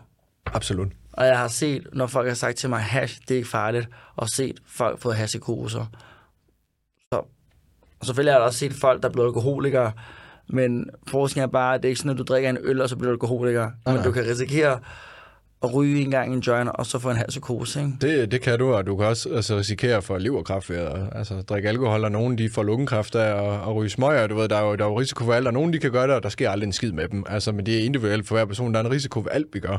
Nå ja, men, men jeg tror bare, den risiko er bare større, tror jeg. Ikke? Jeg tror ikke sådan, du drikker en øl, og så får du, øh, så, øh, så, så, så får du leverproblemer. Nej, nej, nej, nej. Altså, det kommer an på... Øh, Fordi der, man kan sige, når du, når, du, når du går i staden og køber en joint, så aner du heller ikke, hvad de har proppet den joint, vel? Mm. Og det er jo derfor, jeg synes, at staten skal overtage i stedet, så man ved, hvad der er, hvad der er i det, så folk ikke og bander ikke tjener penge på det. Ja. det er, men igen, det er en spændende snak. Jeg elsker Det at er høre folk spændende, sige- om, om, man, om man Ja. skal, jo- jeg synes heller ikke, jeg synes heller ikke, det er en dum idé at, at prøve det, fordi hvis man ikke prøver det, så, så, øh, så ved man jo heller ikke, hvordan det kommer til at, at virke, ikke? Jeg ved heller ikke. Altså, jeg er jo jeg er hele tiden nysgerrig. Jeg, jeg prøver hele tiden at se ting. Jeg kan sagtens se dit synspunkt øh, på tingene, og jeg kan også se mit eget synspunkt på tingene. Men og det er andres. ikke, fordi jeg har et synspunkt, at, Nej, at, nej. man ikke skal, at, man ikke skal, at, at det ikke skal være lovligt. Nej. Jeg ved ikke bare ikke, om hvis, om hvis det er godt. Det ved jeg ikke. Man ved ikke, hvad, man ved ikke, hvad de, de ideelle konsekvenser kan være. Ja. Altså, man kan kun kigge på de lande, der så har gjort det, ja. hvad, hvordan det så udvikler sig derhen. Så man bliver nødt til at tage dataen derfra. Jeg ved bare, at stoffer er stigende problem på er verdensplanen. Og, og jeg tænker jo ikke automatisk ved at gøre det mere lovligt, at der vil komme mindre stoffer. Øh, og så kan det godt være, at man siger sådan, som du siger, at hash, det er ikke sådan en rigtig stof. Og det er det. Men, men jeg kan bare huske, jeg kan huske bare for 15-20 år siden, ikke? Så fik jeg at vide, at det at ryge en joint ikke var særlig farligt. Ikke? Og i dag så er det det mest normale. Og i dag, det at tage coke er blevet normalt. Jeg ved ikke, hvis du har været i byen i København, men det er sikkert også i Aalborg. Det, det er normalt. Det er, det er alle steder. Det er altså. så normalt. Altså, hvor mange venner kender du, eller hvor mange bekendte kender du, som der, der har prøvet at tage kokain? Og der, der kender man et par stykker. Altså. Det jeg mener, ikke? Jo, det er, det er meget udbredt, og øh, altså, jeg siger jo også til folk, at øh, jeg synes ikke, du skal tage det lort der, men mm. altså folk lytter ikke, og hvis man har en afhængighed, så vil man forsvare sin afhængighed, ja. og det er, jo, det er jo meget naturligt, at folk de gør det. Så jeg synes også, det er et problem. Jeg, vil også, øh, jeg snakker også imod øh, til de venner og bekendte, jeg har, at mm. sige, prøv at, det er noget lort, det du laver, det skader dit liv, du har det pis ringe dagen efter, du vågner op, og hvad får du ud af det? Og man, det, er lidt, det, det, det er lidt, når man tager stoffer, så flygter du lidt fra virkeligheden, eller så prøver du at opnå en ny virkelighed. Ja. Og det er derfor, folk de gør det. Jeg er helt enig med dig, Mark. Men det er, det er en epidemi, alt det, det stofværk, og det er, jeg, jeg kender ikke løsningen. Men, men jeg har jo lige haft Jim Latrachien, hvor han siger for eksempel til mig, han synes, at heroin skulle være lovligt, og så er jeg også bare sådan, what? Men du ved, det der er alle folk, ja. De har forskellige. Det synes jeg ikke, det skal være. Jeg synes ikke, heroin skal være lovligt. Men det synes han. Ja. Og det er heller ikke fordi, at fordi han mener det. Så du ved, jeg synes bare, det er spændende at høre alle folks take på det. Ja, det, det, jeg tror, det der er farligt, er, hvis man tror selv, at man har ret. Jeg tror ikke, man har ret, man kan bare have en synspunkt. Ja. Men det er ikke betydning, fordi det, du siger, er betydning, at det er det rigtige jo. og så er der alle Det er folk, rigtigt for dig. Det er det, altså præcis, og det er jo, så når alle folk lytter med derude, så er der nogen, der mener det, der er sådan nogle andre, der mener det, og det er jo derfor, man lever i et demokrati, så majoriteten ligesom bestemmer, hvad der skal ske, ikke? Så det, så det er spændende, hvad der kommer til at ske lige på den front. Nu hvor vi snakker om det her, og sådan stoffer og ting, man propper i sig selv, så er der jo kommet et nyt, øh, hvad skal man sige, øh, jeg ved ikke, om man skal kalde det et stof, et nyt hjælpemiddel, øh, et slankemiddel øh, til at hjælpe overvægtige, der hedder øh, Wegovy. Ja. Et slankemiddel, øh, som ligesom skal hjælpe med overvægtige øh, og tabe sig nemmere. Og det, jeg har læst om det middel, jeg ved ikke, hvor meget du selv har læst om det, men det, jeg har læst om, at det er, der er en receptor i hjernen, der fortæller dig, at du er sulten, og så vidt jeg ved, så det middel at de går ind og, og slukker den receptor. Og prominente mennesker som Elon Musk har blandt andet været ude og sige, at han faktisk bruger dem. Øh, folk de har spurgt, hvordan han har øh, tabt nogle kilo, og han har skrevet, at han bruger fasting, og han bruger Wegovy. Hvad er dit take på, på sådan et, et slankemiddel, frem for at, at gøre det the traditional way? Jeg tror, det er rigtig, rigtig svært sådan, at være dommer. Og jeg tror, folk skal passe på med at være dommer. Og især de folk, som der ikke har problem. Fordi det er jo meget let for dig at sige som normalvægtig, ah, du kan da bare træne. Altså, hvor svært kan det være? Det er let for dig, for det er ikke dig, der har det, det problem. Hvis nu du havde et andet problem, altså, kan du følge mig lidt, hvor jeg vil hen der? Det, 100%. altså, jeg tror, det er meget svært, og jeg synes, man skal passe på med ikke at være dommer. Og jeg er blevet stillet spørgsmål rigtig, rigtig mange gange. Øhm, min personlige mening, vil jeg nok mene, det er jo, hvis du har prøvet alle ting, og du sidder et sted i dit liv, hvor du måske vejer 50 kilo eller 70 kilo for meget, øh, hvad er så bedst? At du tager sprøjten og kommer ned i vægt, eller at du bliver ved med at tage på? Og der vil jeg jo tænke, som fagperson, det er nok bedre, at du får sprøjten, så du kan tabe dig, i stedet for, at du, hvad hedder det nu, øhm, at du bliver ved med at tage på, nu når du har sagt, at du har prøvet alle løsninger. Så, så jeg vil mene, at det er jo, det er jo det vil, det vil et godt alternativ, jo, hvis man ikke kan, eller hvis man ikke har kapacitet, kan, kan, den, den kapacitet, der skal, eller nu, den, øhm, den ressource, der skal til, for at opnå de resultater, som man ønsker, ikke? Det, jeg er bange for med det middel, for jeg, jeg, jeg har også snakket med Henrik om det, og, mm. og det, jeg er bange for med det middel, det er, at jeg er bange for, at det går ind og ligesom bliver sådan en ting, fordi jeg, jeg sagde også til ham, at folk, der er svært overvægtige, mm. Øh, de kan godt have brug for det, fordi hvis du er så svært overvægtig, så har du virkelig et problem, mm. og, og så kan det være svært at løse det på den traditionelle måde. Mm. Det, jeg er bange for, det er det problem for eksempel med, med piger på Instagram, at lad os sige, de vejer, føler, at de vejer 10 kilo for meget, eller skal have en hurtig getaway til at, mm. at tabe nogle kilo, at det så bliver brugt til sådan nogle ting. Jamen, Jo, men igen, det er jo op til folk selv. Øhm, igen, Mark, hver gang man opfinder noget, så kan man jo ikke, så man kan, ikke- man kan ikke blive ved med at sådan, hver gang der bliver opfundet noget, så sige sig selv, ej, men det er farligt det her. Er igen det med kniven, ikke? Altså, du kan bruge en kniv til at lave mega god mad, men du kan også gå ud og så kan du myrde nogen. Og det er det samme her. Her har du en der er beregnet til at hjælpe mennesker, der er ekstremt overvægtige. At der er nogle mennesker, der tænker, okay, jeg vejer 3 kilo for meget, nu begynder jeg at bruge det her. Nej, det skal du ikke. Og det er jo heller ikke sådan, at alle bare kan få det. Du skal jo få det gennem din læge. Og ja, der er der også sikkert nogen, der kan få det på det sorte marked. Men det er igen det samme princip, som du selv prøver at understøtte og sige, at man skal gøre det lovligt at ryge hash. Ja, og det er det samme pr- princip her jo. Du kan jo sikkert gøre det ulovligt og gøre det sværere. Men jeg, så, jeg synes absolut ikke, men, det skal være men, lovligt. men, men, men så, så, så, så kommer det bare på det sorte marked, ikke? Jo. Altså middel, det virker, folk er glade for det. Dem, der vil tage dem, lad dem tage det. Og dem, som der tænker, det er ikke den rigtige måde, så gå ind for eksempel og download min app, fordi jeg går ind for træning og god kost, fordi det synes jeg er vejen frem. Men jeg kan da ikke sidde og begynde at påpege og, og sige til andre folk, der er i gang med at gøre noget, den dum måde, min måde er bedre. Hvordan, hvordan kan jeg tillade mig det? Hvem, hvem, hvem, fanden tror jeg selv, jeg er? Hvis Susanne tænker, det er det, der er godt for hende, så må hun jo gøre det jo. Altså, hvis man er liberal, og man tænker liberal, så har man også den holdning, at det skal folk altså have så lov til at gøre jo. Fordi ellers, så begynder du at være dommer for andre mennesker, og det er jo deres krop jo. Det, det er min holdning. 100 procent. Så jeg har ikke sådan en... Jeg, har ikke sådan en, jeg, jeg synes, det er svært at sige, øh, det, det skal man lade være med, fordi hvis man føler, at det er det rigtige for en. Men jeg kan også se politikken i, hvis folk bare propper sig med det, hvis de kun vejer 3 kilo for meget. Men ud fra, som, som jeg har hørt, så skal du også have en høj nok BMI, så du kan få lov til at få det her medicin jo. Og det er ikke medicin, du bare kan få, uden at have en recept på det. Spørgsmålet er, om det bliver ved med at være sådan, og det er ikke, fordi jeg synes, det ikke skal eksistere, fordi det var, altså, det var et spørgsmål om tid for, at, at sådan en middel her det kom, fordi at det er jo et, et stigende problem, så der mm. skulle også komme en, en løsning på det, øh, og der skulle også komme noget medicin på det, og de snakker om, at det kommer ud i pilleform, hvor det virkelig tager fart efter. Mm. Altså mit spørgsmål går ikke på så vidt, om det skal være der, fordi jeg synes helt sikkert, at det skal være der, for der er helt sikkert nogle mennesker, der kan få gavn af det. Mm. Min bekymring ligger bare på, om, om det så er det rigtige for, for de fleste mennesker, om det, om det så er noget, der virker. Øh, og jeg ved jo ikke så meget om det, øh, så det var derfor, jeg spurgte dig om... Jamen, jeg, tror, altså, vidste. altså, jeg har bare prøvet at sætte mig ind i, hvad det for nogle bivirkninger har, og hvad for nogle konsekvenser det har. Og jeg kender også en del mennesker, der har prøvet det, hvor nogen siger, at jeg får lidt kvalme, jeg, jeg er stoppet med det, og andre sådan, det er det bedste, jeg nogensinde har gjort for mig selv. Men, men jeg synes bare, man skal passe på som fagperson, ikke at sige, det her, det er den rigtige vej. Fordi igen, vi er så forskellige jo. Øhm, så, så, så jeg har ikke sådan lige en, en, en holdning at sige, det er forkert, eller det er rigtigt. Fordi for mit vedkommende, synes jeg bare, hvis du gerne vil det, gør det. Men har du mulighed for at lade være, så lad være. Først får du spare tid, og så har du ikke alle de åndsige bivirkninger. Og det er også dyrt jo. Altså, ja, det koster så, også en del så, penge. Så hvis du ikke behøver at bruge penge på det, så, så hvorfor så ikke prøve at gøre det på en naturlig måde, ikke? Og det, og det var det, jeg tænkte. Altså, jeg er jo sådan en, der er, prøver så vidt muligt at ikke tage noget form for medicin, og bare prøve at holde alt natural. Altså, ja. jeg kan rigtig godt lide at kigge tilbage på, hvad skal man sige, vores forfædre, og hvordan, altså, det får jeg inspiration for, hver gang mm. jeg føler mig ynkelig, eller sulten, eller et eller andet, så er jeg sådan lidt, prøv at der sker ikke noget ved, at jeg ikke får mad lige nu, fordi i gamle dage, for mange hundrede år siden, der gik der, der går flere dage, uden man fik mad, og så skulle man ud og jage i bytte, der har man ikke bare mad tilgængelig hele tiden. Så jeg prøver hele tiden at bruge hvad skal man sige, vores forfædres historier, og vores mm. forfædres historik, og hvordan de levede, og deres levemåde, til min egen, for ligesom at optimere min egen hverdag.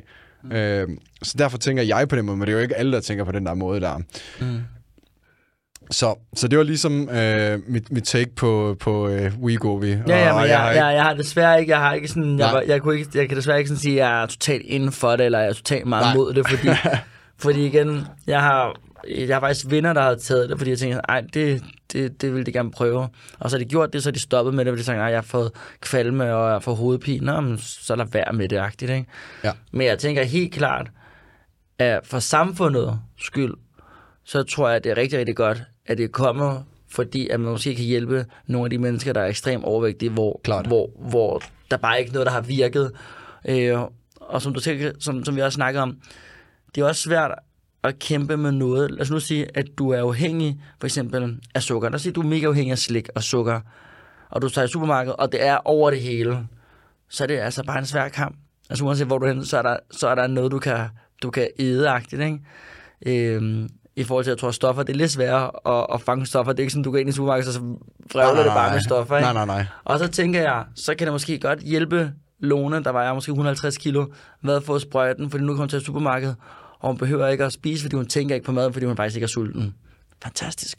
Det er, altså, hvis folk, hvis folk, og det er det vigtigste, at folk de får noget godt ud Ja. af det. Og, og det er, og, men jeg ved jo ikke, altså, fordi jeg kan jo ikke sidde og gøre, igen, jeg sidder ikke og gør mig til dommer for, om, altså, jeg, jeg er jo mere til traditionel måde, det er jo sådan fandme, jeg tager også panodiler nogle gange, hvis man har hovedpine, mm. men jeg prøver så vidt muligt at lade være med at gøre det, fordi jeg, Ja. jeg vil helst så vidt muligt lade være med at prøve at tage noget form for medicin, for at gøre det den traditionelle vej.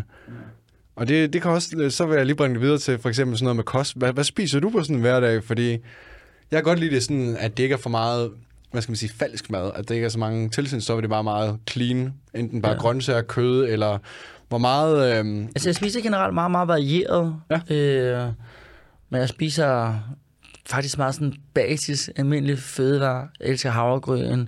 Drikker faktisk rigtig meget mælk. Øh, spiser meget fuldkorn. Spiser pasta. Spiser ris, bønner, linser, kød, æg. Så meget sådan basale fødevarer. Øh, så jeg er ikke sådan, der er ikke noget, som jeg ikke spiser faktisk. Mm. Men jeg, jeg holder mig faktisk bare generelt sådan for sukker, og det giver også mening, når jeg har et, et virksomhed, hvor jeg sælger sukkerfri produkter, ikke? du ser, ja, fordi du har din virksomhed, du har lavet efterfølgende nu her, øh, Salinas Slik. Mm. Øh, og det slik, det er, det er så fuldstændig sukkerfrit. Ja, eller uden tilsat sukker. Uden tilsat sukker.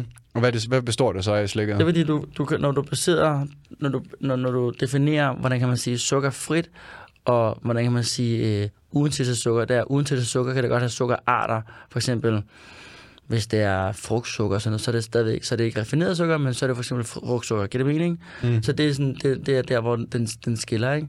Du kan for eksempel ikke lave chokolade, der er 100% sukkerfri, fordi der er jo, jeg ved, nu, sukkerarter for, for, for koen, ikke? Jo. Øh, på den måde, ikke? Men der er ikke raffineret sukker. Men der, var, der, der, var der så frugtsukker i dit? Nej.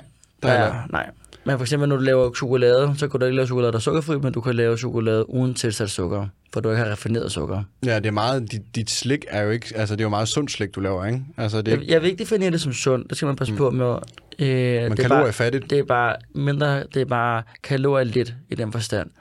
Øh, og grund til, at det opstod først, det er fordi, at på det tidspunkt, jeg opfandt det, der havde rigtig, rigtig mange øh, klienter, der sagde sådan, at deres største last, det er sukker. At de kan ikke styre det. Øh, og så havde jeg selv haft mange problemer med sukker. Jeg har sådan en type, hvis jeg først åbner en pose slik, så stopper jeg ikke før. Altså, jeg er, heller, jeg er også type, hvis jeg køber Nutella, så kan jeg finde på at stå op om natten Ja, og gå ind i skabet og tage en ske og begynde at æde lortet. Altså, jeg kan slet ikke styre mig. Det, det trigger mig så meget. Altså, jeg elsker, jeg elsker det. Og det resulterede også i, at jeg fik rigtig uren hud, og jeg blev irriteret. Jeg havde svært ved at sove. Jeg havde svært ved at koncentrere mig. Og så tænkte jeg, hvis nu jeg prøver at cutte det raffinerede sukker væk fra mit eget liv, hvordan vil jeg så have det? Og så kunne jeg mærke, at jeg fik det bedre. Jeg havde mindre urenhed. Jeg kunne sove bedre. Jeg kunne være mere koncentreret. Jeg blev ikke lidt irriteret. Så tænkte jeg, nå, okay. Og så kan jeg høre, at det nogle af de samme symptomer, mange af mine klienter øh, øh, havde. Og så tænker jeg, nu laver jeg mit eget. det er også en genial idé. Altså du, du går ind, du ser, at der er et problem, og så løser du et problem, ikke? Og det er jo sådan klassisk i iværksætteri, at det er det, man skal gøre. Det, det er jo det, man skal gøre. Man skal, det, det, ud, ud, eller det, det er den udbud, der, er, som der er, som man skal, ligesom skal på en eller anden måde kunne, øh, kunne, kunne tilpasse sig i, så man kan give det produkt, som folk øh, efterspørger. Hvor mange butikker er du så kommet i nu? Fordi det er en del butikker efterhånden, jeg har Netto, set det. Føtex, Bilka, Menu. Øhm, ja, og vi kommer ind i en ny kæde her til, til det nye år. Øh, vi er kommet ind i øh, Island, Tyskland, og forhåbentlig kommer vi også nu ind i, i Finland. Hold op. Ja. Det er fandme fedt. Er Ja, det det- ikke, øh, hvordan er det at se sit eget produkt i, i, i butikker i Danmark, og, ja, og gå den Ja. vej der? Åh, hvordan har, altså, det, det, er det, er jo, det er jo surrealistisk, men det har også været en hård rejse, ikke? Altså en virkelig, virkelig hård rejse. I den forstand, at der er jo så mange ting, som du ikke aner en, du ikke ved en skid om. Og, og jeg har jo oplevet, altså jeg har oplevet nogle af de vildeste ting jo, med fødevarebranchen. Det er jo lidt mafia nogle gange, fordi Jeg må du gerne lige uddybe. for eksempel på et tidspunkt, så havde jeg solgt, jeg tror det var 80.000 marcipansbrød til, øhm, eller 70.000, jeg kan ikke huske. Det var virkelig, virkelig mange til, til, til, til Netto. Og vores leverandør, som der, der står for marcipanen, øh, skulle producere det til os, øh, og alt var ligesom var ordnet. Og en uge inden, så ringer de siger til os, vi kan ikke levere det til jer. Så hvad mener du? Vi kan ikke levere det mere. Vi, la- vi, vi producerer ikke marcipanbrød uden tilsat sukker mere. Så det kan jo ikke passe. Altså, det er en kæmpe ordre, der tjener penge på det. Det giver ingen mening, det her. Men det kan vi ikke. Og der var jeg jo bare virkelig på røven, for jeg tænker, hvis jeg ikke får leveret den her ordre, så får jeg en bøde, og så kan jeg risikere, at de gider handle med mig igen jo. Du skal tænke på, når, Ja, klart jo. at, når de laver de her, når de laver de her bestillinger, så har de allerede sat dem på blade. Det, altså, folk ved, okay, nu er det i butikken, og folk gider ikke have sure kunder jo. Og jeg ved ikke, hvordan det skete med mig og min ekskæreste. Vi arbejdede benhårdt, og så fandt vi en ny leverandør, og det gjorde vores chokolademand også, der hed Michael. Så fandt vi en ny. Men så fandt vi ud af efterfølgende, og nu, jeg kunne aldrig finde på at hænge nogen mennesker ud, mm. at der er en ekstern virksomhed, som der er vores konkurrent, der var inde og sige til det virksomhed i Sverige, som der producerede vores marcipan, I må ikke producere mere for Salinas slik. Fordi jeg var begyndt at blive en for stor konkurrent Ja. til dem. Fordi de Ja. solgte, solgte de slå, øh, sukkerslik, eller? De solgte også det samme som os. Okay. Og så, og, så det var faktisk derfor. Og det har jeg oplevet nogle gange. Jeg har for eksempel også oplevet, at jeg har haft en, en dialog med, øh, med han nu, øh, og nu siger jeg det sgu bare, med premiereis helt op i Nordsjælland, hvor de skulle producere slik, eller is til mig, hvor vi havde lukket en aftale, hvor de også lige pludselig ringer til mig og siger, vi kan desværre ikke, øh, arbejde sammen med dig alligevel. Sådan, hvorfor? Det kan vi bare ikke. Der må der være en grund. Ej, men vi har for travlt. For travlt til at tjene penge, det giver ingen mening. Mm. Og der fandt vi også ud af, der var også en anden, der inde og sagt, I må ikke sælge til Selina Slik, ikke? fordi de ikke vil have os ind, ind i markedet. Ikke? Så det er lidt, øh, det, det er en hård mark. Det er sådan en bum, bum. Du skal virkelig Ja, du skal virkelig være seriøs businessman og forretningsmand. Og jeg har dummet mig, fordi jeg har snakket for højt. Altså, jeg har, snak, jeg har sagt, altså, før at jeg havde produktet, så har jeg måske chattet med folk og sagt, ah, men det går ud så godt, og bla bla bla. Og det har jeg så lært, at jeg skal aldrig sige noget, før jeg har produktet i hånden. Mm.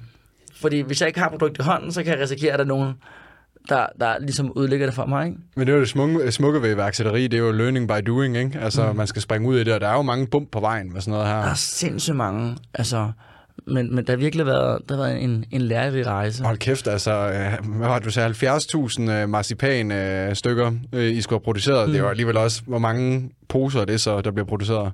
70.000 poser. 70.000 poser? Ja. Det er alligevel også, altså, I må omsætte for en del penge, så. Ja, men omsætter, altså, det, altså, jeg omsætter for rigtig, rigtig meget, men du har også udgifter for rigtig meget. Jeg har jo desværre ikke, Sidste år nåede jeg ikke, jeg, jeg havde en underskud på 250.000, selvom vi omsat for 7 millioner. Men, men, men, øh, men sådan er det, når man starter en forretning op, og det er helt... Og det er helt naturligt. Jeg, jeg, jeg er stadig meget tilfreds over, over den udvikling, sådan, som der er, ikke? Jo, at du har jo, altså det kræver noget kapital, og det er jo så opbygget med alle de andre ting for at kunne ud og starte sådan en virksomhed her. Det kræver altså... sindssygt meget kapital. Det kræver meget kapital, det kræver meget, meget tid, og det kræver også, det kræver også at du tager mod, mod, altså du har mod til at miste. Ja.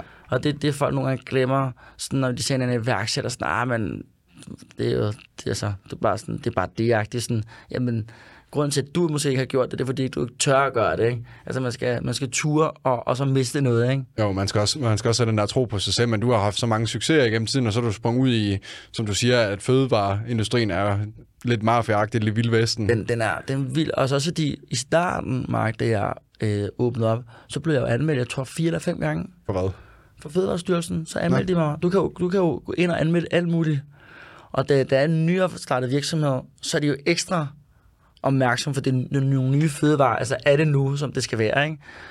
Øh, og alt er gået heldigvis godt, og de har været sindssygt søde i Fødevarestyrelsen. Altså, der er ikke noget der. Mm. Men det tager jo sindssygt meget tid jo. Fordi hver gang, at Fødevarestyrelsen kommer ind i min butik, så skal jeg bruge en dag eller halvanden dag. Og jeg skal finde hundredvis af dokumenter frem.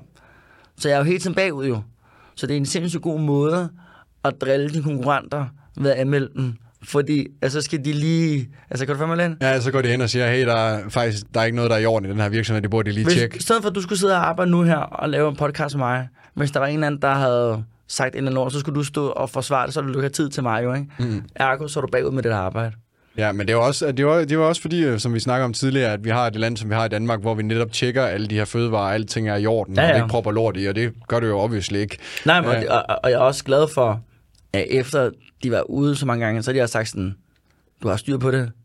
Fuck det, vi gider ikke mere at snakke. Ikke? Mm-hmm. Så det er jeg glad for. Og de har været sindssygt søde, men det var bare irriterende at skulle bruge tid på det jo. Hvor lang tid, øh, da du så finder ud af, at du gerne vil lave dit slik, hvor lang mm. tid går du så for, at du får ud af, at det er det her, du gerne vil lave, til du rent faktisk får det eksekveret og har et produkt i hånden? Et år. Et år. Og det er, hvor mange timer tror du, du har brugt på det? Skud for often. Meget. Ja. Virkelig meget. Jeg har brugt masser af tid, masser af penge, og jeg har brændt mig så mange gange. Altså, jeg kan huske, øh, de første tre produkter, så brændte jeg mig flere hundredtusindvis af kroner, fordi at jeg havde lavet en pose med chokolader. Og så nu laver chokolade, så der skal være en procentdel chokolade, før du må kalde den chokolade. Og så mangler den 0,1 eller andet. Og så bliver jeg nødt til at fjerne hele det lort. Ej. Ja, så man laver sådan nogle, nogle fejl, ikke? Og hvad hvis jeg-agtigt, ikke? Jeg må gerne have kaldt den for choco-chokola. Jeg må ikke have den for chokolade. Mm. Men der er jo ikke nogen, der har sagt det til mig, jo, ikke? Nej, det er også... Der er mange regler i Danmark med sådan noget. Sind, prøv, du forstår ikke, hvor mange regler der er med fødevarer. Der er så mange, og med skatter, og der er også noget, der hedder sukkerafgift, og selvom jeg ikke har noget sukker i, så betaler jeg stadig sukker. Nå, ja. hvordan kan det lade sig gøre? Fordi synes, det... du skal ringe og spørge af Mette Frederiksen. Og... er det fordi, du kalder det slik, eller er det inde i den kategori? Det er fordi, selvom, selvom der ikke er sukker i, så ligner det sukker. Og når det ligner sukker, så skal du betale så, jamen, så skal det jo ind, altså, altså politisk set, at lave det om fra noget, så skal det jo ikke hedde en sukkerafgift, så skal det hedde en slikafgift. Men hvad er slik så? Så er det jo, det er jo en definitionssag jo. Ja, det er så mærkeligt. Og jeg forstår det stadig ikke, hvordan jeg kan... Jeg, jeg har et produkt, der ikke er sukker i, men betaler sukkerafgift. Så er det også svært at få folk til at spise anderledes, ikke? Jo. Hvad, hvad tror du så nu? Altså nu, nu siger du, at virksomheden stadig ligger i underskud. Det er jo klart, hvis det er en ny virksomhed, og du er i gang med at skalere, så er det jo meget naturligt, at man de penge, man så tjener på virksomheden, direkte ind igen, mm. tager nogle nye satser. Det er jo, det er jo meget øh, klassisk, at man gør det, mm. hvis man er en ambitiøs iværksætter, ja. at der er underskud, fordi man tør at købe nye indkøb ind. Hvor lang tid tror du, før det her det bliver en stor profitabel forretning for dig? Fem år. Fem år? Ja. Hvad er dit Altså- mål med det? Min mål med Selina Slik, det er faktisk at gøre en forskel. Øh, I den forstand at prøve at, at lave nogle produkter, som indeholder færre kalorier, som der smager mega godt, men også det her at lære folk, at det behøver ikke at være mængden, men det er også bare det her med at have nogle små portioner og nyde det. Altså alt, hvad jeg producerer, det er små mængder. Det skal ikke være, jeg vil aldrig nogensinde lave sådan noget kæmpe poser, ekstra large. fordi- Nej, sådan en kilo slik, nej, ligesom nej, nej, Haribo. nej, nej, det vil jeg slet ikke. Mm. Det, det, det, det, synes jeg er en... Den, altså, problemet er jo også, at der er noget psykologisk jo. At når vi først køber noget, så stopper vi ikke, før den er helt tøm. Altså nogen, som prøver at købe en chipspose, du stopper, når, den er, den er den tom. flækker jeg på en dag. Ja. Ja. Den er væk. Men havde du nu været en lille pose, så har du bare sagt, nej, nu har jeg fået en pose. Så åbner du ikke generelt ikke en ny, for det, op i dit hoved tænker du, nu har jeg fået en pose, ikke? Lige præcis. Så der er noget psykologisk i det. Sindssygt meget også. Og det, det er psykologisk, det går så ind og, og hjælper folk endnu mere med deres vægttab. Jamen, det tænker jeg, fordi du får dækket dit behov, og så ved ja. Du, okay, så, får, og så har jeg gjort det med alle mine produkter, det her med, at der altid skal stå, hvor mange kalorier der er. Den Det er faktisk super smart ting, det der. I den her pose, så er der for eksempel, for eksempel, jeg har lavet nogle chips nu, så er der 118 kalorier, og det står med sådan store bogstaver, eller tal, udvendigt, så du ved, okay, hele posen, ikke det her med per 100 gram, eller mm. øh, per, per 25 gram, eller per portion, fordi du sidder der, hvad er en portion, ikke? Du Jo. hælder bare, ikke? Altså, Ja, ja, ja. Altså, jeg kigger altid bag på, når jeg skal læse et eller andet, så sidder jeg og ganger ind i hovedet og matematik og sådan noget. Men er der, hvad siger du, der er typisk 120 kalorier, 118 kalorier i sådan en pose? er de forskellige, ja, vores øh, slikpose, ja. Der, der er det omkring 120 kalorier cirka. Øh, nej, altså vores slikspose er der 100... Jeg kan ikke huske 140 eller sådan noget, ikke? Men vores chipspose er der 120, men vi ligger sådan generelt sådan snacks, sådan altid sådan generelt under 200 kalorier, ikke?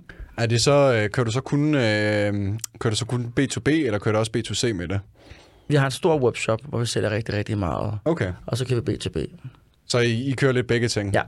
Så det er også sådan, nu hvor du, du laver stadig, fordi vi har slet ikke snakket om din, jeg var inde og tjekke din hjemmeside i går, Ja. og du kører jo en app nu i stedet, Ja.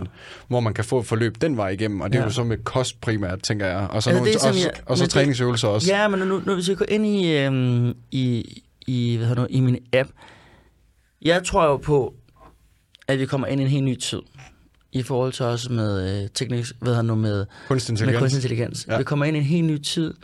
En tid, hvor for eksempel om fem år, så er det måske ikke dig, der sidder og laver podcasten. Så er det en robot, der laver podcasten. Tror du ikke altid, at man vil hellere vil høre menneske end på en Men du vil ikke kunne høre forskellen. Fordi din stemme kan du putte ind, og så er det jo din stemme, der siger præcis det samme. Det her, det, det, det undersøgte jeg jo for nu snart to år siden, og jeg kunne se en udvikling i det her. Og der tænkte jeg jo, jeg skal have min egen app, og jeg vil gerne prøve at skabe et univers, hvor, ligesom dengang jeg skabte mit online-univers, prøve at skabe et univers, hvor alle, som i alle, kan være med. Øhm, og det, som jeg har, så har udviklet, det er jo inde på appen, der kan du lave din egen kostplan, ligesom alle mulige andre platforme tilbyder, men her kan du bare lave den selv jo. Du kan selv gå ind og... Har du, når du lige, jeg kan vise dig, hvis du vil lagt det. Ja, ja, du kan bare vise den efter. Det hedder nu, øh, hvor du selv kan gå ind og vælge opskrifter, du kan vælge, hvor mange kalorier der skal være. Du kan lave din egen kostplan, der er indkøbsliste, der er masser af træningsprogrammer, der er træningsvideoer. Altså, der er alt samlet et sted. Der er en tracker tæller, der er alt. Øh, her næste måned, så laver jeg en fælles forum, hvor vi ligesom kan kommunikere med hinanden. Ligesom på Facebook, hvor folk kan lægge, lægge opslag, videoer, man kan formidle alt, hvad man vil. Man får også et lille fællesskab ud af Man det. får en fællesskab jo, fordi vi har, uanset hvad, så har vi behov for en fællesskab. Vi er jo som mennesker jo, vi er jo flokdyr. Vi, vi bliver jo stimuleret af hinanden, så vi har behov for hinanden. Så det er jeg i gang med at bygge ind, det kommer her næste måned. Og så er jeg altså i gang med at lave en robot. Jeg er i gang med at lave min egen Selinas sundhedsrobot. Og den skal lære dig at kende, Mark, i den forstand, at når du sidder i Netto, så kan du sige, øh, robot, øh, jeg har 100 kroner, øh, hvad vil du anbefale mig, jeg skal spise, ud fra hvad jeg har spist de næste par dage? Ah, men Mark, du har spist det, og det, og du har det, det i køleskabet, for den anden dag, så købte du det, det. Den kan huske alt, hvad du har gjort, jo. Og det tror jeg jo sindssygt meget på. Fordi, hvordan kan du argumentere på, hvorfor skulle- gider du betale flere tusind kroner for et forløb, når en app for en tiende del af prisen kan gøre det 10 gange bedre? Og min app kommer til at kunne gøre det bedre. Fordi den kommer til at kunne lære dig at kende så godt, at den kender alle de ting, som du har behov for. Den, altså hvis du nu laver en, en, opdatering, så vil jeg sige, jamen Mark, du skal ikke være ked af det, fordi for tre uger siden, så tog du måske 100 i squat. Så det kan godt være, at du lige har haft det lidt dårligt, men hey, du har gjort det rigtig, rigtig godt. Det kan, det kan ingen person huske. Mm. Hvordan skal jeg kunne huske, hvad du har gjort for tre uger siden, selvom jeg kender dig? Men det kan den. Og det er det, jeg tror rigtig, rigtig meget på. Og samtidig, så har jeg jo fællesskabet, dermed, at vi stadig har det sociale, og vi stadig mødes, og hvor vi kan kommunikere. Og, og derfor har jeg sat sig benhård på den her app. Altså, jeg tror så meget på det. Og heldigvis har jeg også fået en del medlemmer i, i, i appen. Jeg vil selvfølgelig gerne have flere medlemmer, ikke? Hvor mange medlemmer har du cirka? Det vil jeg selvfølgelig ikke fortælle dig, Mark, jo. Men, men øh, jeg har nok, og hver eneste krone, jeg, jeg, jeg tjener på den lige nu, det investerer jeg så til at formidle appen til, den kan blive... Ja, du reinvesterer det. Reinvesterer den, ikke? Men jeg håber da, at jeg kan have flere tusindvis på et tidspunkt. Jeg håber, at der kan være rigtig, rigtig mange på, på appen. Fordi det handler om økonomi, ikke? Fordi når du har en app, så betaler du først 30% til Apple, ikke? 25% til moms, ikke? Det tager Apple 30 procent af. 30 procent tager de. Hold da 30 procent. Så du kan også se, hvis du tjener 100 kroner på en medlemskab, ikke? så er der ikke meget tilbage, vel? Men det er det, når du, den koster vel ikke penge på App Store, det er vel inde på selve appen, at du kan trykke premium og så betale via Apple Pay, eller hvordan fungerer det så? Du skal, du skal købe den via Apple, eller du kan købe den via min hjemmeside. Okay. Så inde på App Store, der koster den et beløb. Er det så et indgangsbeløb, eller? Nej, du betaler hver måned. Okay. Ligesom alle andre øh, apps, ligesom hvis du har LiveSum eller alle sådan nogle andre ting. Okay, men jeg troede bare, at når man så køber at den så var gratis, men så at du kunne få adgang, så skulle du betale inde i selve appen. Nej, Okay. Nej, det er ikke sådan, det fungerer. nej, det er ikke sådan, det fungerer. Okay. Altså, jeg, vil, jeg, jeg er gang med på at lave sådan, ligesom man kan på mange andre apps. Nogle gange, så kan du komme ind, og så kan du... Eller det kan du gøre nu, fordi du kan få syv dages prøveperiode. Øh, men jeg vil gerne have lave det på den måde, at du kan bare downloade appen, og så er der nogle ting, du kan gå ind i.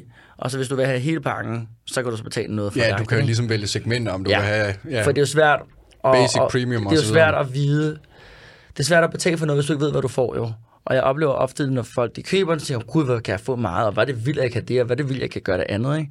For det er en meget kompleks app, som der virkelig kan meget. Det er sjovt, du nævner alt det her med kunstig intelligens. Jeg har også set, du har skrevet et, øh, et opslag på Facebook. Jeg mener faktisk, jeg har kommenteret det. Mm. Øh, fordi jeg netop øh, også interesserer mig super meget for kunstig intelligens. Og jeg ser jo hele den her udvikling. Altså selv øh, verdens rigeste mand, Elon Musk, altså sidder og ryster i bukserne over det og ser det som en kæmpe trussel. Ikke? Og forestiller alle de mennesker i samfundet, der så mister deres arbejdsplads Ja, ja, vi skal kommer- forholde sig til en ny virkelighed. Mark, vi kommer alle sammen til vores arbejde. Alle sammen. Og vi kommer alle sammen til hvad? Miste vores arbejde. Ja. Vi kommer bare til at lave noget andet, jo. Det er jo og, det. Og, og, sådan kan man også gå tilbage i fortiden, jo. Sådan, altså... Der var jo også for 200 år siden, så arbejdede vi næsten alle sammen ude på en mark, ikke? Det gør vi heldigvis ikke i dag, ikke?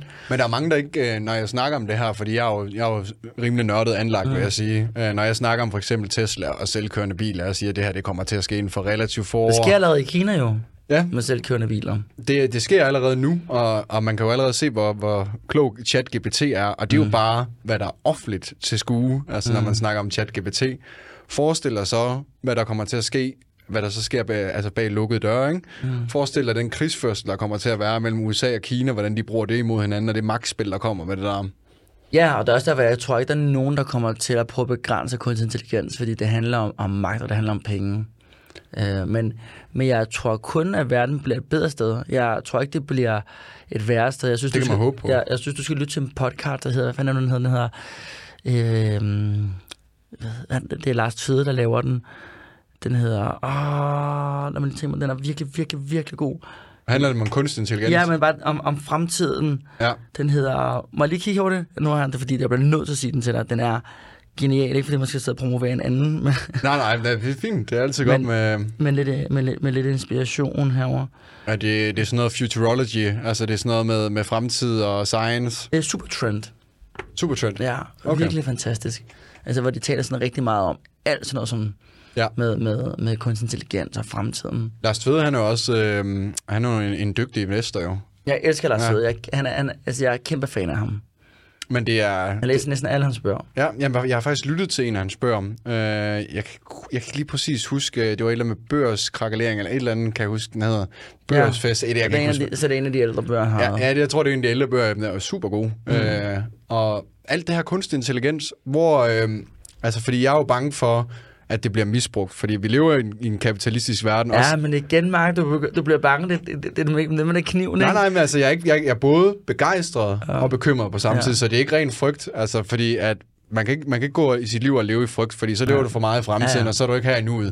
Så igen, jeg, jeg er både mega excited over det, hvad kommer det til at give, men jeg er også bekymret, og det, og det, det er lidt den samtale, jeg, jeg prøver at vende den over til, fordi der er både positiv, og så er ja, der negative ting. og jeg ved jo godt, hvad du tænker, for du kan manipulere folk, du lige pludselig kan du ringe til en, og så lyder det som din mor, men det er måske slet ikke din mor, og så lige pludselig over, du, over, overfører du penge. Ja, det er forfærdeligt, men du kan også se det på den måde, at inden for måske 10 år, så øh, er der måske ikke så mange mennesker, der bliver skilt, fordi så har man en robot, der sørger for at gøre rent, lave aftensmad, rode op. Altså alle de ting, som der kan få en hver børnefamilie til at krakkelere-agtigt, ikke? Så der vil altid være positive og negative ting, ikke? Tror du, en robot kan lave mad om 10 år? Det altså, tror jeg. 100. Du, kan allerede, du er allerede robotter, der kan lave mad. Ja, ja, men altså, hvor, ja, ja, altså, hvor effektivt de så er. Altså, det er mere sådan, hvis man skulle lave det helt fra bunden af, ikke? Altså, hvis man kan få en robot til at lave alt. Jeg tror, at, at inden for 10 år... Altså, man har jo lavet... Nu, nu, altså, nu sidder jeg jo sådan rigtig meget og nørder. Der er jo alle mulige robotter, for eksempel Kina, der laver sådan mad. Øh, men, men sådan en rigtig robot, tror jeg, man kan købe... Det tror jeg faktisk godt, man vil kunne købe inden for for 10 år. Hvordan ser du sådan uh, problematikken? Uh, fordi det har jeg også læst noget, uh, nogle, nogle ting omkring, og, og læst et, en problemartikel med det her. Fordi, og Elon Musk snakker om universal økonomi med det her. Mm. Uh, universal basisindkomst, at der skal være. Fordi der er jo nogle af de nederste i samfundet, som har det, man kalder et repetition job. Altså et, et, et gentagelsesjob, hvor man ligesom laver for eksempel, at det er på McDonald's, man skal lave de samme ting om og om igen, eller sætte varer mm. på plads, eller whatever. Når alle de jobs bliver erstattet af AI, hvad skal de mennesker så gå hen og lave efterfølgende? Jeg har, og hvordan jeg, skal man trække de mennesker op? Jeg har selv tænkt over, over det, og jeg tror, der er, jeg tror, der kommer til at ske nogle, nogle ting, som vi ikke kan forudsige. Fordi jeg kunne også godt forestille mig, at verden bliver så et rigt sted, at der er bare nogle mennesker, for eksempel, hvor man bare får ligesom sådan en check, hvor man får sådan, her, det er dine penge, det er din lommepenge, det kan du leve af. Fordi jeg tror, at verden bliver så rigt, at, man, altså, at, at vi kan faktisk, at vi heller ikke behøver at arbejde så meget. Jeg tror for eksempel, om nogle år, så behøver vi slet ikke at arbejde 37 timer om ugen, så arbejder vi måske kun 20 timer om ugen. Men tror du, politikeren og, og de helt, øh, helt store kapitalister er interesseret i, at mennesker får så meget frihed der? Fordi ja. lige, vi lever meget i kontrolsamfund, hvor at, at kapitalister og politikere, de styrer vores hverdag meget. Til en vis grad, jo, jo altså, mere... Til vi har vis... aldrig haft så meget frihed, som vi har nu jo. Altså, jeg vi synes... har aldrig arbejdet, altså sådan, vi, vi har det jo mega godt, hvis du tænker sådan, hvordan folk havde det bare for 50 år siden, ikke? Jo, men altså, hvis du tænker, der er rigtig mange, der løber stærkt lige nu. Rigtig mange familier løber stærkt. Og før i tiden, hvis vi tager 50 år siden for eksempel, så var det jo tit sådan, at så kunne kvinden blive derhjemme, øh, og så skulle manden kunne have et arbejde. Nu er det begge to af ja, familier, der også, arbejde. Jeg tror også, jeg tror også, Mark, jeg tror også sådan, løber du stærkt, fordi du skal, eller løber du stærkt, fordi du gerne vil? Der er ikke nogen, der siger, at du skal have to øh, store biler. Der er ikke nogen, der siger, at du skal bo på Frederiksberg, og der er heller ikke nogen, der siger, at dine børn skal gå til fire forskellige sport, og der er heller ikke nogen, der siger, at du skal løbe maraton, og der er heller ikke nogen, der siger, at du skal have en topstilling. Så jeg tror også meget tit, at de her mennesker, som der har mega, mega travlt, selvfølgelig er det synd for dem, men de vælger jo også selv, hvordan deres liv skal indrettes. 100, 110 du kan jo også godt vælge at sige, at jeg gerne bo på Lolland, jeg behøver ikke at tjene 100.000 om måneden, og mine børn behøver ikke at gå til 10 forskellige sport. Kan du følge mig lidt? Ja, ja. Så, så, jeg tror meget tit, der, når, når, når folk siger, at jeg er så skide travlt, når jeg siger, at jeg er skide travlt, så kan jeg ikke tillade mig at, at, at, at, at være irriteret over det. Jeg har jo selv valgt det jo. Altså, så stop dig selv jo. Altså, i Danmark, så har man heldigvis det så godt, at vi selv kan vælge. Altså sådan, især hvis du har et, en højstillet job, så er det noget, du selv har valgt, for det er det, du stræber efter. Det er et aktivt valg, og det er jo fordi, at materialismen, det går ind, sådan, hvis du ser, fuck, nu har naboen fået en, en ny dyr Mercedes, og, og så går materialismen ind og lokker, og så er det det der, øh, i stedet for, at man ligesom har assets, som arbejder for en, så er der jo tit folk, der vælger i stedet måske at købe en dyr bil, eller yeah. lege sig ind i en dyr lejlighed, yeah. så bruger de pengene dumt, yeah. og så får de måske, lad os sige, de får en lønforhøjelse, så i stedet for at bruge de penge, ej fedt, jeg har fået en lønforhøjelse, dem smider jeg i aktier, eller dem smider jeg i det ene eller andet, så går de måske ud, nu kan jeg bruge flere penge på alt muligt ja, materialistisk. Men, men, jeg, men jeg tror bare, det er sådan en, en ond cirkel, fordi for eksempel, jeg kan da huske, at jeg var barn, det var jo ikke sådan, at vi alle sammen, alle mine brødre, vi skulle have en iPhone for 10.000 kroner, Men jeg kan også se i dag, hvis du er en børnefamilie og har fire børn, og de alle sammen skal have en iPhone, så skal du allerede lige bruge 40.000 kroner på det, ikke? Og så skal de også have en, en Apple, hvad hedder det nu, computer, ikke? Altså, alle de ting havde vi jo heller ikke, dengang vi var yngre, jo. Mm. Så selvfølgelig er det da svært at, at lade øh, pengene række ud, men det er ikke sådan, at det er et must, du skal have det jo. Altså, det er jo ikke et must, du skal have det dyreste og det bedste altid, ikke? Det er, det er sådan, det er nice to have, men ikke need to have. Ja, og det tror jeg bare mange forældre, som der, de gør det på deres bedste hensigt, kunne jeg forestille mig, det er, at de, at de stræber efter alt det, som alle andre har, ikke? Jo, fordi de kigger på andre. De, har, de kigger på, ej, de er lykkelige på Instagram, den der, eller naboen har en fed bil. Og og jeg, Mark, jeg kan tale om mit eget eksempel. Jeg har i mange år gået og tænkt, hvis jeg bare opnår det her, hvis jeg bare opnår at have så mange lejligheder, hvis jeg opnår at have det her, så bliver jeg lykkelig. Er jeg blevet lykkeligere? Nej, det er jeg ikke. Jeg er ikke blevet lykkeligere. Mm. Det er jeg jo ikke. Og jeg er ikke blevet lykkeligere, for eksempel, da jeg, jeg kan jeg grine en dag af mig, af, af mig selv, da jeg tændte min, min call inde på Havneholm. Så gjorde alle det samme. Altså, vi har alle sammen det samme call, vi har alle sammen det samme æg, vi har alle sammen de samme møbler. Hvor jeg tænkte sådan, altså sådan det er lidt, det er lidt komisk-agtigt, ikke? Jo. Hvor, hvor, hvor jeg har fundet ud af, er der også nogle andre ting, som jeg, som jeg bliver lykkelig af. Og jeg taler jo tit med iværksættere, hvor det siger sådan, hvis jeg bliver økonomisk uafhængig, så bliver jeg lykkelig. Men jeg har ikke mødt nogen, heller ikke mig selv, hvor jeg tænker, okay, nu kan jeg faktisk klare mig, nu behøver jeg ikke arbejde. Hvor jeg tænker sådan lidt, nu stopper jeg med at arbejde. Altså, der er, jo, der er nogle andre grunde til, at man, man, man gør det, hvis man er iværksætter, ikke? Hvad, hvad, hvad driver dig egentlig så, altså til du har så travlt nu? Det, der driver mig, det er, det er at skabe. Det er, at lave, det er at skabe. Jeg elsker at skabe nye ting. Altså, jeg kan jo sidde i går... Hu, hvad har det varmt? Jeg, kan sidde, jeg, kunne sidde, jeg sad i går sammen med nogle venner, der er også er iværksætter. Og så var jeg bare sådan lidt, så fandt jeg på en idé. Jeg vil lave, jeg vil lave hunde, hundefødder. Jeg vil gerne lave snack til, til hunden. Og der, der, der begyndte den bare at tænke, jeg laver en Instagram til Bella, og Bella skal være iværksætter. Vi skal have den første hund, der er iværksætter. Vi skal lave en hel historie, og vi skal lave produkter, som der er gode, fordi hvis du propper gode ting til dig selv, så skal du også proppe gode ting til din hund. Og jeg laver noget snack, jeg laver en kasse, jeg laver en barnsordning. Den, den kørte bare derud af. Og sådan, sådan, sådan, det sker tit for mig. Du har bare iværksættergen i dig. Bare hvis jeg stod til, Mark, til mig og Mark, så kunne jeg lave 10 forskellige forretninger hver år. Jeg elsker at starte nye ting, projekter op. Jeg Og elsker det, det. og det er, jo, det er jo tit rejsen, det er jo tit ikke, altså fordi tit så kigger folk på endedestinationen, men det er jo egentlig rejsen, der er det fede, at se det ske, og se uh, alle de ting, man, man har plantet, vokse ud og blive til noget helt stort, ikke? Det er jo, er det målet, eller er det målet, eller er det rejsen, eller er det det, der sker mellem rejsen? Og for mig er det det, der sker mellem rejsen, der er det vigtigste. Ikke? Altså alle de processer, der er, ikke? det tænder mig vildt meget. Hvad er din definition af, af sådan, nu hvor du snakker om, at når man når det her mål, så tror de, at man bliver lykkelig og sådan noget. Hvad er din definition af, af lykke? Jeg tror, at min definition af lykke, det er at have nogle gode relationer med andre mennesker. Og, og, og føle sig elsket. Og jeg tror, at være et rigt menneske, det handler jo ikke det her med, at du ligger på din gravsten, hvor mange penge der var i din bankkonto. Der er, hvor mange mennesker kom der egentlig til din begravelse. Hvor mange mennesker vil være en del af den begravelse. Så finder du ud af, hvor rigt menneske du egentlig var. Men tror du ikke også, det måske handler om, hvor mange ting, du har gjort, der har betydet noget for andre mennesker, ikke? Altså, hvor meget betydning, du har jo, gjort for andre men mennesker jeg tror, tilbage? jeg tror jo for eksempel ikke, altså hvis der ikke er nogen på din gravsten, når du dør til din begravelse, så har du nok ikke gjort en stor indtryk for særlig mange. Mm. Men at den kirke er helt proppet med mennesker, så er det nok, fordi du har gjort en kæmpe indtryk for rigtig mange mennesker, ikke? Det tror jeg også. Altså, det, er jo, altså, det kommer an på, hvem er. Jamen, det, selvfølgelig bestemmer man ikke selv sin begravelse, men der er nogle familier, de vælger at holde det helt øh, lukket. Og sådan Men, for, noget. men forstå jeg, mig jeg forstår dit Hvis- eksempel hvis, 100%. hvis, du gerne, hvis, du har, hvis du har behov for at komme til en begravelse, så er det fordi, den person har gjort noget, som du gerne vil være en del af, og hylde den person, ikke? 100%. Så du er... Du mener ikke, at penge gør en lykkelig? Øhm, penge gør dig ikke lykkelig, men penge gør sådan, at din tilværelse kan... Eller, det, er svært at, sige, det, det, er svært at definere det her med, at penge gør dig lykkelig, fordi det vil også være løgn at sige, at penge ikke gør... Penge gør sådan, at du har færre problemer.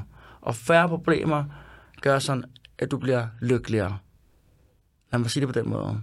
Ja, der er jo... For, fordi jeg kan da godt mærke, at mit liv har jo altid været, eller mit liv har forbedret sig meget i forhold til dengang jeg var tjenerelev til jeg lige pludselig havde penge, fordi så havde jeg nogle muligheder, som jeg ikke kunne før. For eksempel, øh, jeg er da super glad for, øh, da min mor blev 90 år, jeg bare kunne sige, at jeg laver en kæmpe fest, jeg betaler det hele. Eller da min mor blev 60 år, jeg laver en fest, jeg betaler det hele. Altså det her med, at man har nogle muligheder, det synes jeg, der er fantastisk. Og jeg synes det også, det er mega fantastisk at køre en fed bil Det er da rart, og det er da også dejligt at bo et dejligt sted, og det er også rart at sove en god seng, og det er også rart at ikke skulle tænke over, øh, om hvis jeg har råd til at købe noget mad, jeg kan bare købe, hvad jeg vil. Det synes jeg da også er rart. Så det vil være løgn at sige, at penge gør en lykkelig i den forstand. Det gør din tilværelse bedre. Nu sagde du, at du havde en fed bil. Nu er jeg jo bilentusiast. Det jeg, Ja. jeg ny- øh, nysgerrig på. Hvad for en bil har du? Jeg har en øh, Mercedes EQC EQC? 400. 400. Mm. Så du kan godt lide... Øh, du er fan af elbiler? Jeg ved ikke, jeg... Jo, jeg er blevet fan af den nu. Ja. Men før havde jeg en, en, en Hummer H2. Og det er også en fed bil. Mm. Lidt boss. Men øh, jeg synes, det var uansvarligt at, at køre rundt med den, og jeg har prøvet ligesom at tænke på, fordi mit brand, Selina Slik, der tænker jeg meget på, hvordan vi kan være mere bæredygtige. Alt vores plastik, det er noget, som der er genanvendt og sådan noget. Og jeg synes, at det var sådan et dobbeltmoral og sådan at gå ind for, at vi skal have noget plastik, der skal være genanvendt, og alt skal være mere økologisk på en eller anden måde, Ja, så- og så køre rundt i en bil, som der kun kører 3 på literen, ikke? Jo, så du prøver ligesom også at, at tilpasse dig dit univers. Det bliver jeg nødt til jo. Ja, ja. Det, bliver, altså, jeg, altså, det, det andet, det er dobbeltmoral. Og jeg kan heller ikke lide, hvis andre er dobbeltmoral, og derfor er jeg sådan en, så bliver jeg nødt til at skille mig af. Og jeg siger dig, jeg græd, da jeg skulle skille mig af, men jeg skulle sælge den, jeg græd så meget. Det er også en fed bil, jo. Det var, den gjorde mig så lykkelig. Og der var mange, der sagde sådan, Gustav, du drikker ikke, du tager ikke stoffer, du gør ikke noget, du elsker din fucking bil, hvorfor kan du ikke bare beholde den? Nej, nej, det kunne jeg ikke. Jeg ved ikke, hvis jeg fortryder det i dag, men jeg er glad for min bil. Som, Du kan, jo, du kan jo nok altid købe den igen på et Ej, tidspunkt. den der kan jeg ikke få igen. Den kan man ikke få Nej, igen. jeg solgte den med det samme. Den, det, det er fordi, den Hummer, jeg havde, den havde 16 år bag sig, og den havde kun kørt 30.000. Så det er ikke bare sådan en bil, du bare. Nej. lige får. Det, var, det var en speciel model også, fordi den Ja. har kørt så lidt, ikke?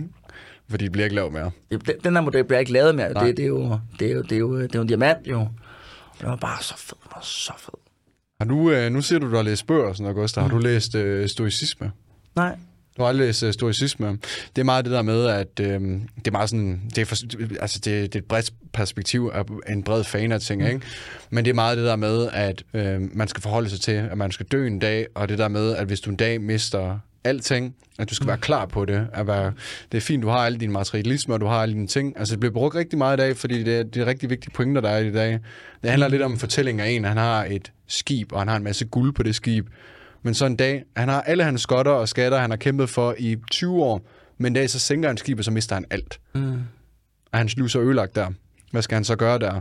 Og så det er lidt, lidt noget af det, filosofien den går ud på. Så jeg var bare lidt nysgerrig, om du har læst Nej, jeg noget. har ikke læst, men når, du taler om det her med, hvad vi ejer, så tror jeg på og grund ikke, at vi ejer noget jo. Nej. Fordi alt, hvad vi har, det er på låntid jo. Fordi vi krasser alle sammen af en eller anden dag. Så alt, hvad du har, det har du nu. Men lige om lidt, så dør du. Eller på en eller anden tid, så dør du. Og så er det ikke dit mere jo. Og det, det er jo det, alt det der med, at materialisme er nice to have, men så sætter jeg også tit det der eksempel op med, ja, hvis du havde alt dit materialisme, men ikke nogen at dele det med, hvordan vil det så være? Fordi jeg går ikke ud fra, at du synes, det er særlig fedt at have alle mulige ting, hvis der ikke var nogen mennesker i live, du kunne dele det med. Nej, det er ikke Hvis du, var alene, hvis du var alene i verden, og du havde alt, du havde lyst til, havde det været fedt. Altså, jeg, jeg, jeg er den overbevisning om, at vi har behov for at være sammen med andre mennesker. Jeg ved ikke, hvis jeg er enig om, at man behøver at have en partner. For man kan have en partner på mange forskellige måder. Men jeg er i den overbevisning om, at vi har behov for at blive stimuleret af andre mennesker. Det tror jeg også. Altså, vi er jo sociale væsener, os mennesker. Uanset hvordan vi drejer og vender det om, jo. Gustav, hvad skal der ske de næste 10 år for dig? Hvor langt er du fra at blive økonomisk uafhængig? Det har jeg allerede. Der har været mange år. Det har været i mange år. Ja. Ja, for du har jo en masse, øhm, du har også en masse lejligheder og sådan noget. Det har vi slet ikke ja. snakket om. Ejendomsinvesteringer. Er det en god forretning stadigvæk? Men jeg har gjort det siden, siden jeg var 20 år, har jeg stadig bolig her jo. Og det er igennem øh, holdingselskaber, så kører det bare. Faktisk privat. Det er faktisk privat. Mm. Altså, jeg, jeg dykker lidt ned i det, fordi jeg, jeg synes jo også, altså, tanken med at være økonomisk uafhængig, det er jo fedt. Altså, det tror jeg, det er der Men mange, der drømmer om. Jeg tror også bare, hvad er økonomisk afhængig? Ja, det er jo individuelt. det er jo meget, meget individuelt, jo, ikke? Ja. Altså for nogen, de har jo behov for at, at, have, at kunne tjene en million om måneden, for de kan kalde sig for økonomisk øh, uafhængige, og så er der andre, der har behov for bare at have 5.000 om måneden, for så føler de sig økonomisk uafhængige, for det kan de leve af, ikke? Jo. Så det er meget, meget forskelligt, ikke? Øhm, Det er i hvert fald en levestandard, man vil leve op til, men, ikke? men, men det er i hvert fald et mål, dengang jeg startede i mine 20'er. Det var det. Var det. Øh, men jeg kunne mærke, da jeg så opnåede det, det jeg blev ved med at arbejde jo, ikke? Altså, det, det, det, stoppede mig jo ikke, jo. Mm. Og så har du fået øh, for eksempel som ejendom, som en asset, ikke? Og så kan man lege det ud og ligesom få det til at betale sig selv hjem, det hele. Ja, altså, jeg har nogle lejligheder, der betaler sig af sig selv nu, ja. Ikke? Som der er allerede betalt sig en krone i, ikke? Og Og det, så det er en god forretning, synes du? Ja, ja, det, det, er jo det er jo en fantastisk forretning. Altså, boliger vil altid være en, en god forretning, jo. Men det handler ikke om boligen, det handler om beliggenheden. Det handler om beliggenhed, beliggenhed, beliggenhed. Ja, den stiger eller falder i værdi. Ja, men det er fordi, du kan altid... Du, altså, en, en, en, en god bolig er jo, er jo en god beliggenhed. For eksempel har jeg to lejligheder på Amalegade, ikke? Det er jo fantastisk. Altså, Amalegade ved siden af Amalienborg, det ved jo, der, der ved du automatisk, det kan ikke gå galt, jo, ikke? Mm. Men du, altså, jeg har, alt, jeg har altid kun købt boliger, hvor jeg vidste, det er en sikker område. Altså, det der ved jeg, og der, jeg ved noget om området. Hvor mange, øh, hvor mange boliger har du så cirka? Jeg har ni lejligheder. Ni og lejligheder? Ja. Og hvornår fik du din første? Hvor gammel var det der? 20. 20? Ja. Og så har du bare bygget det stille og roligt op ja. og købt flere og flere. Er det sådan, at du bor der i de der... Jeg kan huske, er det et halvt år eller to år, man skal bo et sted Øh, for? ja, hvis du skal sælge det, men jeg har jo ikke solgt, ja. jo. Nej. Det er kun nogle få lejligheder, jeg selv har boet i, som jeg har solgt. Okay. Ja, fordi man skal bo der i de seks eller to år. Ikke længere. Ikke længere? Nej, der var en gang, hvor der var, hvor der er nogle regler. Men det er fordi, øh, det er sådan, du må ikke, du må ikke købe og sælge i, i den forstand, hvis, hvis det er privat. Der er forskel, hvis det er privat, eller hvis det jo har det gennem virksomhed. For du gennem virksomhed, så må du gerne købe og sælge, og købe og sælge hele tiden. Men hvis du en privatperson siger, jeg vil gerne øh, gå ind i boligbranchen, så vil jeg købe en bolig, renovere den og sælge den om to måneder. Ja. Det kan du godt gøre en eller to gange. Men hvis du gør det bevidst for at tjene penge, så er det der, hvor du bliver beskattet jo. Okay. Men reglen er jo lavet sådan, at der ikke rigtig er noget tidspunkt, fordi lad os nu sige, at du, er gift, så køber du en lejlighed med Susanne. Så går der tre uger og tænker du, jeg gider kræfter, ikke være sammen med Susanne. I skal sælge boligen. Skulle du så blive beskattet af det? Det vil jo ikke være fair jo. Mm-hmm. Du kan ikke gøre for, at du ikke gider være sammen med Susanne mere, vel? Nej, nej. Så, så, der, så hvis du har tjent, lad os sige, den er steget 50.000 værdi i de tre uger, lad os sige, ja. At du er heldig for det, så skal Og du ikke beskattes af det. Så skulle du blive beskattet af det. Nej. Men har du gjort det bevidst for at tjene penge, så bliver du beskattet. Og det er så der, det går ind i det juridiske i en retssag, hvis ja. Det så skulle være. Ja. Okay. Og der tror jeg ikke, at skatte, skattevæsenet vil gå ind og gøre det, hvis du har gjort det én gang, men har du gjort det tre gange, så kan man jo regne ud, så er det jo fordi, at du er ude på at tjene penge, ikke? Ja, men hvis man så køber en lejlighed for at lege den ud, og så man sælger den efter, så er det jo for at tjene penge jo. Hvis du køber en lejlighed og sælger den ud bagefter, så bliver du beskattet af den, fordi du ikke har din, din adresse der jo. Du Ja. kan kun få skattefri penge i Danmark med de boliger, hvor du har din egen adresse i. Ja. Okay. Så hvis du har, hvis du lej- udlejer for eksempel, hvis du for eksempel køber en lejlighed og udlejer den, og kommer tilbage om fem år og sælger den, så den fortjeneste, den lejlighed har fået, det vil du blive beskattet af, fordi du har ikke boet der i den selv. Så skal du selv bo der i den bagefter, Ja, ja. og så vil du så kunne få pengene som skattefrit. Okay. Ja, det tror jeg, der er en del, der gør det. Jeg har i hvert fald hørt en del øh, snakke om det. At de Jo, har, men jeg ja. tror, det, det, det, det, fordi, hvis du har måske meget få boliger, men hvis du har mange boliger, så, Ja, så kan det ikke lade sig så gøre. kan det ikke lade sig gøre. Jo. Så, Nej. det sådan, så, så, det, det, er- så, det, så er det ikke derfor, du gør det jo. Mm. Altså, jeg har gjort det med at få en cashflow hele tiden, ikke? Jo. Så de næste 10 år for, for dig, Gustav, hvad skal der ske der? Jamen, mit mål er at skabe et nyt community med Selina Slik. Eller med, med, hvad nu? Mit mål er at skabe en ny community med Selinas sundhedsappen og gøre appen rigtig, rigtig stor. Og så sørge for, at, at Selinas Slik også bliver rigtig, rigtig stor. Og så håber jeg bare, at jeg kommer til at få rigtig meget succes med min nye partner. Jeg har jo solgt 60% af min virksomhed jo. Det har jeg slet ikke fortalt dig jo. Nej, til øh, altså Selinas Slik, eller hvad? Mm, Okay, til... Er det, en, er det nogen, du til kan to afsløre? store. To investorer? Ja. Så du har, du har ikke majoriteten længere? Jeg har kun 40% af den. Okay. Ja. Men så er der vel også noget af det administrative og alt det, det kedelige, jeg, der... jeg skal slet ikke lave en skid. Jeg skal kun stå for marketing, og jeg skal lave produkter. Det er også jeg det fedeste. har brugt alt for meget tid på mit lærer. Altså, jeg har, brugt, altså, jeg har, har jo arbejdet der 80 timer om ugen nogle gange jo. Og, det kan jeg jo ikke holde til i, i alt for lang tid. Så det er Det så må også dejligt. være dejligt så, at komme væk fra Det er så dejligt, det er så dejligt, at det ikke er mig. Altså, jeg skal, jeg skal ikke stå for at lave alt det, Mm. mm. for det har været så hårdt. Øh, fordi det er, jo, det er jo svært at være kreativ, sådan, okay, jeg skal finde på et nyt produkt, samtidig med, at jeg skal sidde og pakke, samtidig med, at jeg skal sidde og...